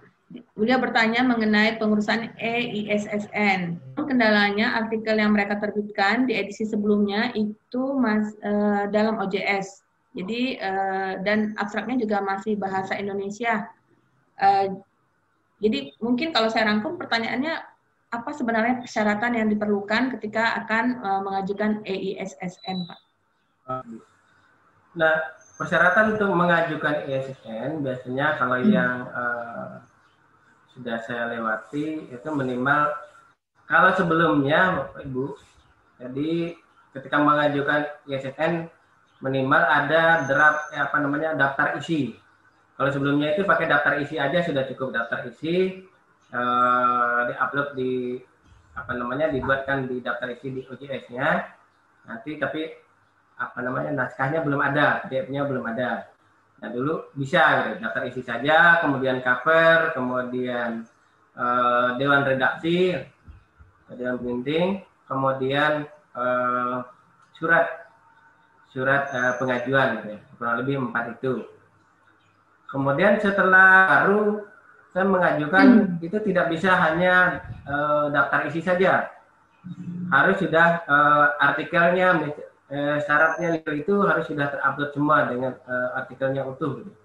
artikelnya sudah bisa di download covernya sudah ada dan uh, redaksinya sudah ada di sistem kalau dulu dengan redaksi misalnya dibuatkan di kertas selembar saja, kemudian di scan baru di upload bisa. Tapi yang terbaru ini saya coba uh, untuk majukan jurnal terbaru itu tidak bisa, jadi harus dari sistem semua. Lalu uh, apa namanya daftar isinya tidak hanya daftar isi, tetapi artikelnya sudah terupload di situ. Mungkin itu pengalaman yang saya uh, lewati. Oke. Okay. Baik, terima kasih Pak Anyan. Selanjutnya saya ingin sampaikan juga pertanyaan dari Pak Cenderato. Betul Pak Cenderato ya? Barangkali Pak Cenderato ingin bertanya langsung kah? di sini? Boleh, Bu. Iya. Ya. Nah, selamat siang, Pak Nyan. Selamat siang. Ya, aduh, jumpa di medsos kita nih jadinya ya. Jadi di waktu yang sa sangat apa, sangat tepat ini. Jadi berkaitan dengan pertanyaan yang saya tulis di apa di apa itu tadi di bagian chat itu uh, ini berkaitan dengan indeksasi jurnal ya. Indeksasi jurnal itu kan kalau kita mau terindeks berarti harus mendaftar dulu seperti yang dijelaskan di awal tadi ya, Pak ya. Iya betul. Apakah ada kemungkinan tidak terindeks gitu ya? Misalnya daftar ke udah, tapi bisa tidak terindeks gitu atau ke mana lagi yang lain-lain yang pengindeks lembaga pengindeks gitu ya apakah ada kemungkinan ya kalau misalnya ada kenapa gitu ya dan berapa lama kira-kira uh, informasi yang berkaitan dengan indeksasinya itu? Di dan tidak terindeks gitu. Nah sementara itu dulu. Baik pak. Uh, biasanya biasanya jadi setiap pengindeks itu punya waktu tersendiri dalam proses eh, apa namanya mereview jurnal kita diterima atau tidak. Nah, ada yang satu hari dua hari sampai satu sampai dua hari gitu ya. Kemudian ada yang oh, seminggu sampai dua minggu, ada yang bahkan sampai uh, berbulanan. Misalnya kayak di OAJ hmm. sampai enam bulanan baru bisa hmm. baru bisa diketahui diterima atau tidak. Nah penyebab tidak diterimanya biasanya setiap mau mengajukan akreditasi eh, mengajukan pengindek biasanya eh, lembaga pengindek punya kriteria-kriteria tersendiri. Tidak, tidak, tidak semua artinya tidak semua pengindek itu seragam dalam artian tidak tidak seragam. Yeah, yeah. punya aturan seperti ini, kemudian misal uh, pengindek yang lain punya aturan seperti ini. Nah intinya kita melihat dulu, misalnya kalau misalnya mau mendaftar ke Garuda syaratnya apa saja, gitu yang harus di eh, dilengkapi kan biasanya ada melengkapi link dan sebagainya gitu. ada link OAE kemudian link uh, untuk melihat tim editor dan sebagainya. Nah, kalau misalnya link-link yang disedia atau diminta oleh uh, pengindeknya ini dan dan lainnya saya kira biasanya tidak ada kendala. Kalau biasa pun kalaupun ada kendala biasanya ada memberikan informasi. Memberikan email ke email nah, yang menyebabkan tidak diterimanya apa mungkin biasanya ada diinformasikan seperti itu. Sehingga nanti uh, itu kita bisa memperbaiki supaya bisa terindeks ada beberapa eh, beberapa pengindeks yang ada langsung otomatis gitu ya otomatis oh, kalau kayak iya, Google iya. Google kan tinggal membuat akun saja hmm. mungkin ya. itu bapak Oke, terima kasih. Kemudian satu lagi, untuk mitra bestari itu kan dari luar ya. Iya, nah, misalnya ya. Uh, misalnya untuk yang bisa dijadikan mitra bestari itu apakah memang harus linear dengan jurnal ya? Apakah wajib atau bagaimana Pak Ayan? Baik, uh, mungkin nanti kalau misalnya ada rekan-rekan lain uh, eh, RJI lain membantu silakan. Ya kalau hmm. yang saya tahu memang harusnya gitu Pak. Harusnya wajib sesuai disiplin uh, rumpun jurnalnya. Ya. Harusnya seperti itu. Namun pada pelaksanaannya kalau saya bicara saya sendiri gitu, bicara saya sendiri uh, kayak jurnal yang saya kelola adalah jurnal pok edukasi jurnal ilmiah. Mestinya ya. dikelola oleh orang yang uh, basic kependidikan, ya. basic pendidikan. Ya. Sementara saya sendiri uh, S1 S2-nya komputer murni. Ya, ya. Jadi kalau seharusnya uh, itu tidak bagus sebenarnya, tidak bagus. Yang adalah kalau linear dengan rumpun ilmu jurnalnya. Kalau ya. linear pengelolanya uh, pengelolanya, kemudian editornya, mitra bestarinya, harinya satu rumpun sehingga uh, ketika mengelola jurnal itu betul-betul bisa berkualitas namun demikian, seperti yang saya alami, uh, saya karena memang keterbatasan personil, jadi sehingga yang ini uh, jurnal yang saya kelola, saya yang menangani dan secara disiplin ilmu saya tidak masuk di, di, di jurnal yang saya kelola, tetapi ya. hanya komitmen ya, ini, itu ini. komitmen menjaga kualitas jurnalnya supaya uh, apa namanya sesuai dengan standar uh, ilmiah, standar jurnal hmm. nasional.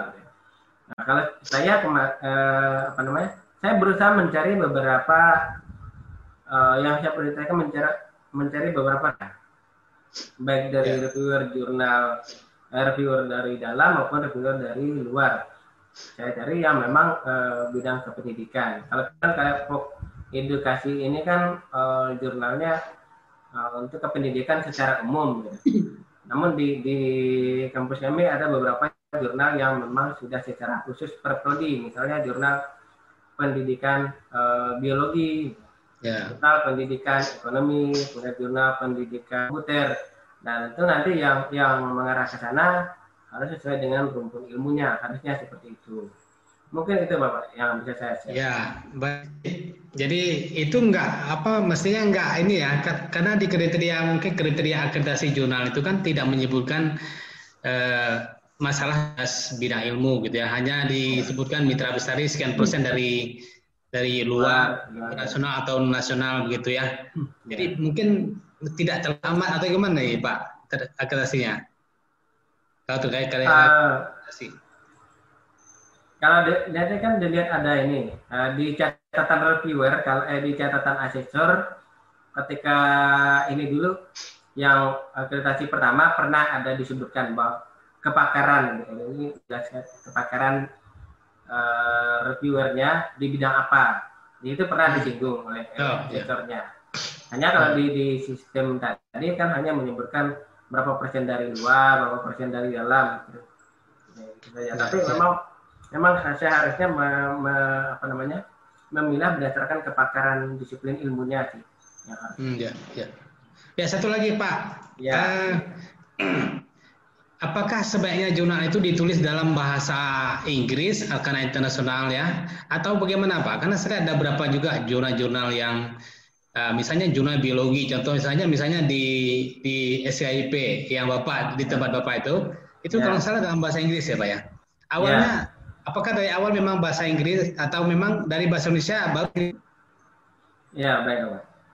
Nah eh, terkait apakah harus atau tidak itu tergantung ini loh. Jadi eh, sebenarnya jurnal nasional bersih bahasa Indonesia pun bisa uh, go internasional gitu ya hanya saja mungkin kalau bahasa Indonesia uh, orang agak kewalahan.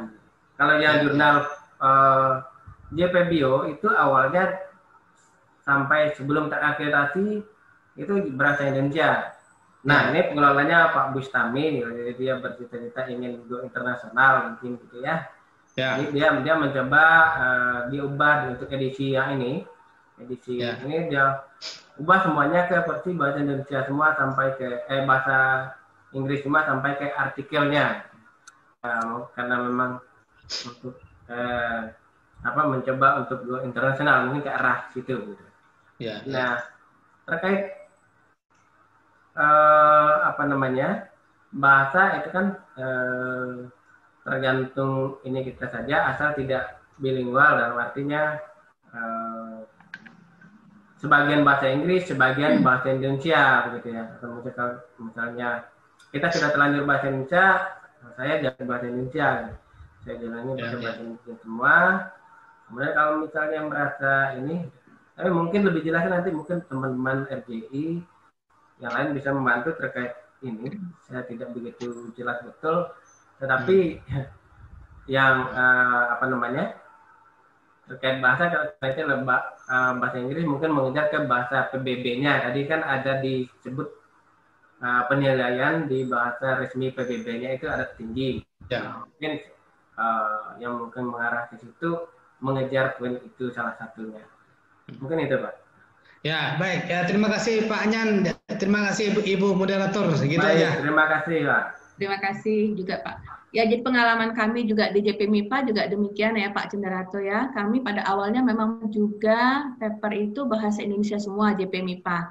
Nah, ya. tapi eh, setahun terakhir ini saya mencoba menyajikan uh, ada yang berbahasa Indonesia dan berbahasa Inggris. Jadi kurang lebih 40-50% itu paper yang kami publish itu uh, berbahasa Inggris dan 60% yeah. itu ya. Ya, ya. Nah, tetapi untuk edisi per Januari 2021 kami sudah uh, menguatkan hati begitu untuk bisa ya. menyajikan keseluruhan nanti bahasa Inggris. Ya, Harapannya uh, kita bisa menembus uh, apa Scopus begitu harapannya. Oh ya, siap, siap. Gitu ya. Terima kasih. Terima kasih. Saya masih ada waktu lagi kita ini Pak Anyan sedikit lagi ya. Uh, dari tadi saya tengok ada Pak Aris, Pak Aris atau Ibu Aris uh, Indri Bapak kah barangkali mau bertanya langsung di sini atau bagaimana?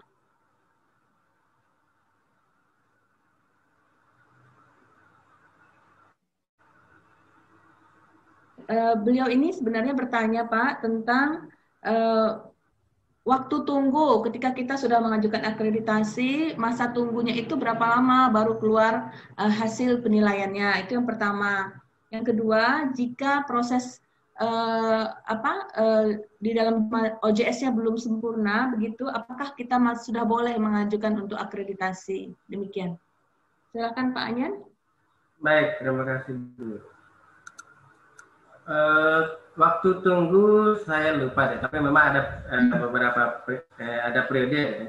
Kalau yang uh, seperti yang saya ajukan di jurnal yang ekonomi kemarin itu sekitar bulan Juli dan ini sudah sampai bulan uh, September September belum ini dan uh, ini berakhir kalau tidak salah untuk yang periode ini sampai tanggal 30 ini mungkin Bapak Ibu yang belum uh, mengajukan dan mau mengajukan untuk di periode ini silakan masih sampai tanggal 30 masih ada waktu untuk uh, periode ini setelah lewat dari tanggal 30 nanti masuknya ke periode uh, pengumumannya di 2021 kalau tidak salah. Jadi masa tunggu memang ini kalau uh, kalau tidak salah itu 2 sampai 4 bulan kayaknya. Minimal paling cepat 2 bulan. Paling cepat 2 bulan kalau tidak salah saya. Nanti mohon koreksi kalau misalnya kawan-kawan yang lain lebih eh, paham. Kemudian uh, tadi yang kedua aku yang kedua prosesnya belum terlaksana oh, dengan belum, baik begitu. Belum sempurna. boleh. Belum sempurna. Baik. Uh, kalau saya lebih ini, lebih kalau misalnya ya apa namanya, Bapak Ibu, kalau menurut saya tadi kalau misalnya beberapa yang saya siapkan tadi itu, eh, beberapa yang saya sampaikan tadi itu sudah coba dikerjakan, gitu ya, apa pun hasilnya tidak tidak harus bagus gitu ya. Intinya ada link ini ada, misalnya untuk link review ada, link editornya ada, link etika publikasinya ada, kemudian link panduan uh, penulisan ada gitu. Ini kalau misalnya beberapa apa pun poin yang seperti itu kiranya sudah ada diajukan saja terkait uh, masuk cinta berapanya nanti tergantung ya, tergantung asisternya memberikan penilaian. Intinya uh, kalau sudah merasa apa namanya merasa siap secara ini gitu ya siap dengan dengan apa yang sudah diusahakan diajukan saja kalau menurut saya diajukan. Jangan, jangan pikir oh, saya mengajukan nunggu sudah kira-kira cinta tiga ah saya mengajukan nunggu kira-kira masuk cinta dua. Jangan ajukan saja. Atau nanti kalau misalnya e, terakreditasi nilainya e, rendah kan masih bisa dilakukan reakreditasi setelah e, ada satu edisi lagi jadi tidak harus menunggu lima tahun. Oleh sebab itu ajukan saja menunggu lima tahun. Misalnya setelah ini keluar keputusan terus dinyatakan misalnya hanya cinta lima eh, hanya cinta tiga eh, ya lalu setelah eh, setelah keluar cinta enam coba diperbaiki berdasarkan catatan reviewer hmm. catatan asisten lalu kalau misalnya kira-kira kayaknya sudah perbaiki nih sesuai dengan saran-sarannya kayaknya bisa naik nih nah, ajukan aja setelah edisi berikutnya itu langsung ajukan setelah satu jadi tidak harus menunggu empat terbitan lagi. Cukup satu terbitan terakhir diajukan untuk bisa melakukan reakreditasi. Mungkin itu Bu. Oke. Baik Bapak Ibu, eh, kita masih ada sedikit waktu lagi. Barangkali ada yang ingin bertanya secara langsung di sini? Siang Ibu. Silakan Pak Abdullah. Iya Bu, mau tanya Bu. Uh, langsung aja ya dari Cirebon Ibu uh, terkait dengan oh, iya. pengajuan akreditasi ini saya termasuk pengelola jurnal juga kami salah satu syarat untuk akreditasi pengajuan itu adalah kan uh, dua tahun ya atau empat kali terbitan ya bu ya. Uh, yeah. kami sudah mengajukan dua minggu kemarin untuk jurnal kami, tapi umur jurnalnya itu kurang tiga bulan ibu, dua tahunnya. Nah, apakah itu menjadi syarat mutlak atau bagaimana Bu? Ataukah nanti akan pengaruh terhadap hasil akreditasi? Mohon pencerahannya Ibu. Terima kasih mungkin itu saja dari kami. Uh, saya sedikit klarifikasi Pak Abdullah, maksudnya satu tahun uh, nomor dua berapa tahun. nomor satu tahun berapa kali terbit? Uh, satu tahun dua kali terbit. Untuk, ya, untuk terbitannya kebetulan kami uh, setiap ini Bu, setiap bulan. Oh, iya. terbitnya setiap bulan. Iya. Berarti dalam setahun ada 12 nomor. Iya, Bu, betul, Bu. E, kami rumpun jurnalnya ada rumpun jurnal e, umum. E, maksudnya mohon pencerahannya. Maksudnya apakah memang oh, itu iya. menjadi syarat mutlak ataukah e, misal kita kan sudah sudah lebih dari empat kali terbitan gitu. Mohon izin. Oh iya. Pencerahannya. Iya. Ya. Terima kasih Pak Abdullah. Silahkan Pak Anyan. Iya, Ibu. Baik, uh, terima kasih Pak. Ya, kalau dilihat dari dari umurmu kan katanya harus dua tahun, dua tahun. Tapi yang yang dilihat adalah minimal edisinya Pak, minimal apa? Minimal isu empat empat nomor. Jadi kalau misalnya punya uh, jurnal yang Bapak kelola sudah lebih dari empat nomor, berarti sudah bisa diajukan. Jadi minimal minimal itu empat nomor empat nomor meskipun belum genap kalau menurut uh, belum genap dua tahun gitu ya nomor sudah bisa diajukan. Karena yang diajukan pertama kali adalah empat nomor itu. Dan yang bapak ajukan nanti kalau misalnya diajukan itu adalah empat nomor terakhir. Jadi tidak semuanya pak. Meskipun tidak ada mungkin belasan nomor gitu ya pak. Belasan terbitan tetapi yang diajukan hanya empat nomor terakhir saja. Mungkin uh, bapak mungkin ada kawan lain Bu Rupiah mungkin bisa menambahkan. Oh berarti, ya. ngapunten Ibu, uh, berarti ya, tidak dilihat dari usia tahun ya Bu? Dilihatnya berarti patokannya adalah terbitan. Terima kasih Bu. Pak Anyan, barangkali sudah ditangkap pertanyaan Pak Abdullah? Ya, uh, kalau saya mena eh, apa namanya menerjemahkan dari uh, aturan itu seperti itu. Jadi dia uh, minimal karena minimal minimal dua tahun dan minimal dua terbitan. Jadi seperti itu. Jadi untuk bisa mencapai uh, kalau misalnya dua kali terbitan dalam setahun untuk bisa mencapai kan berarti kan dua tahun. Gitu. Nah terlepas apakah betul-betul pas dua tahun, saya kira itu tidak jadi masalah pas betul. Intinya yang yang jadi patokan adalah jumlah terbitan ya, kalau, yang saya tangkap. Jadi misalnya kalau bapak tadi sudah lebih dari empat terbitan berarti tinggal empat terbitan terakhir itu yang diajukan. Mungkin itu pak dari saya pak. Mohon izin pak Punten kebetulan ya, waktu pengajuan kemarin itu kami yang diajukan yang diajukannya itu terbitan yang terakhir pak. Itu bagaimana? Maksudnya bukan bukan empat kali terbitannya yang diajukannya tapi terbitan terakhirnya. Kayak gitu mohon atau bagaimana? Ya jadi itu bapak ajukan satu terbitan ya pak? Iya pak. Iya pak. Jadi yang diajukannya itu satu terbitan. Cuman kalau kalau uh, uh, apa namanya terbitan keberkalannya sih kita setiap setiap bulan itu sudah ya tidak ada yang bolong. Tetapi untuk pas pengajuan ya, ya. itu yang diajukannya adalah yang uh, satu kali terbitan terakhir. Kayak gitu, Pak. Itu bagaimana, Mohon izin, Pak? Untuk pengajuan pertama kali harusnya empat lah. Jadi pengajuan pertama kali itu empat. Kalau misalnya Bapak uh, setelah sudah pernah diajukan, kemudian melakukan reakreditasi, betul yang Bapak lakukan hanya mengajukan yang terakhir saja.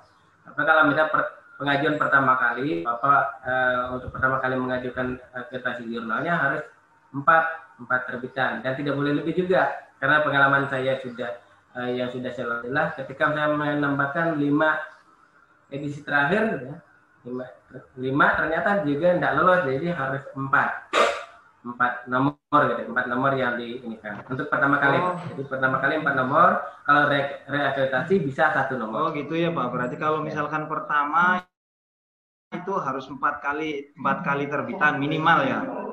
Ya oh, gitu. Berarti kalau misalkan untuk re satu terbitan yang terbitan terakhir, terakhir. gitu ya? Betul pak. Oh gitu.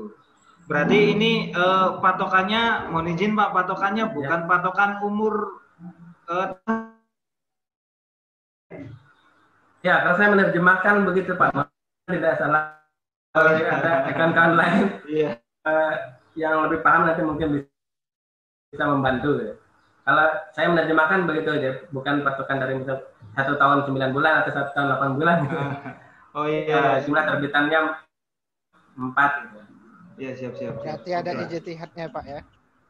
Nanti Pak Bapak siap, mungkin siap. ini tambahan nanti mungkin ya. dilihat di akreditasi. Jadi kalau kita buka di laman web Dikti, di sana di Arjuna ada panduan uh, akreditasi mengenai uh, batas minimal yang harus disubmit di sana. Jadi kita buka kembali. Nah, jadi memang biasanya itu dipahami uh, dua volume ya terakhir. Jadi kalau volume itu kan ikut di tahunnya. Kalau satu volume isinya uh, 12 isu, makanya berarti uh, volume berarti 24 isu. Tapi kalau ya kita serah saja ditunggu mudah-mudahan ya diberkah ya jadi ya mungkin begitu. Jadi jadi begitu kita coba lihat lagi di panduannya ada tapi eh, kalau saya tidak salah memang dua volume. Jadi kalau memang punya satu volume berarti 24. Kalau kurang ya kita tunggu, Pak. Oh iya iya. Saya kira siap, itu siap, siap, Pak. Mau di sini Pak, barangkali maksudnya masa tunggu Ya kira-kira untuk menunggu hasil itu berapa ini Pak? Barangkali.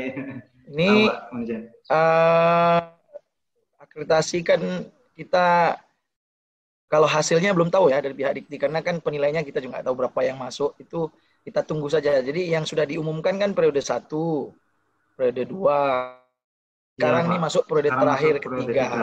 Ya. Kita tunggu saja. Kita nggak ya, tahu siap. itu Dikti. Mudah-mudahan sebelum berakhir tahun selesai. Saya selesai. juga termasuk masuk yang perpanjangan. Jadi sama-sama kita menunggu ya. Oh iya Pak, siap siap siap. Terima kasih Pak, terima kasih.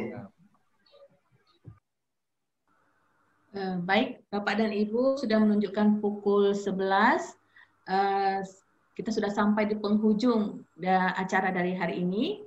Uh, kami dari pelaksana ini mengucapkan terima kasih banyak ya terutama kepada Bapak Anyan yang sudah menyajikan materinya. Sama-sama. Terima kasih juga kepada uh, eh, RJI Pusat yang mendukung dan memfasilitasi kegiatan ini dan juga pada RJI Kalbar secara keseluruhan dan uh, khususan pada Bapak dan Ibu yang hadir pada hari ini. Terima kasih banyak atas perhatian, masukan dan saran-sarannya. Mudah-mudahan apa yang kita laksanakan hari ini mendapatkan berkah dan bermanfaat bagi kita semua. Saya Selator mengucapkan permohonan maaf yang sebesar-besarnya atas kekurangan dan uh, ketidaksempurnaan kami dalam penyajian. Uh, semoga dalam lain waktu kita dapat bertemu kembali dalam keadaan sehat walafiat. Kita akhiri dengan ucapan Alhamdulillahirrahmanirrahim. Bila taufik wa hidayah. Assalamualaikum warahmatullahi wabarakatuh. Waalaikumsalam warahmatullahi wabarakatuh.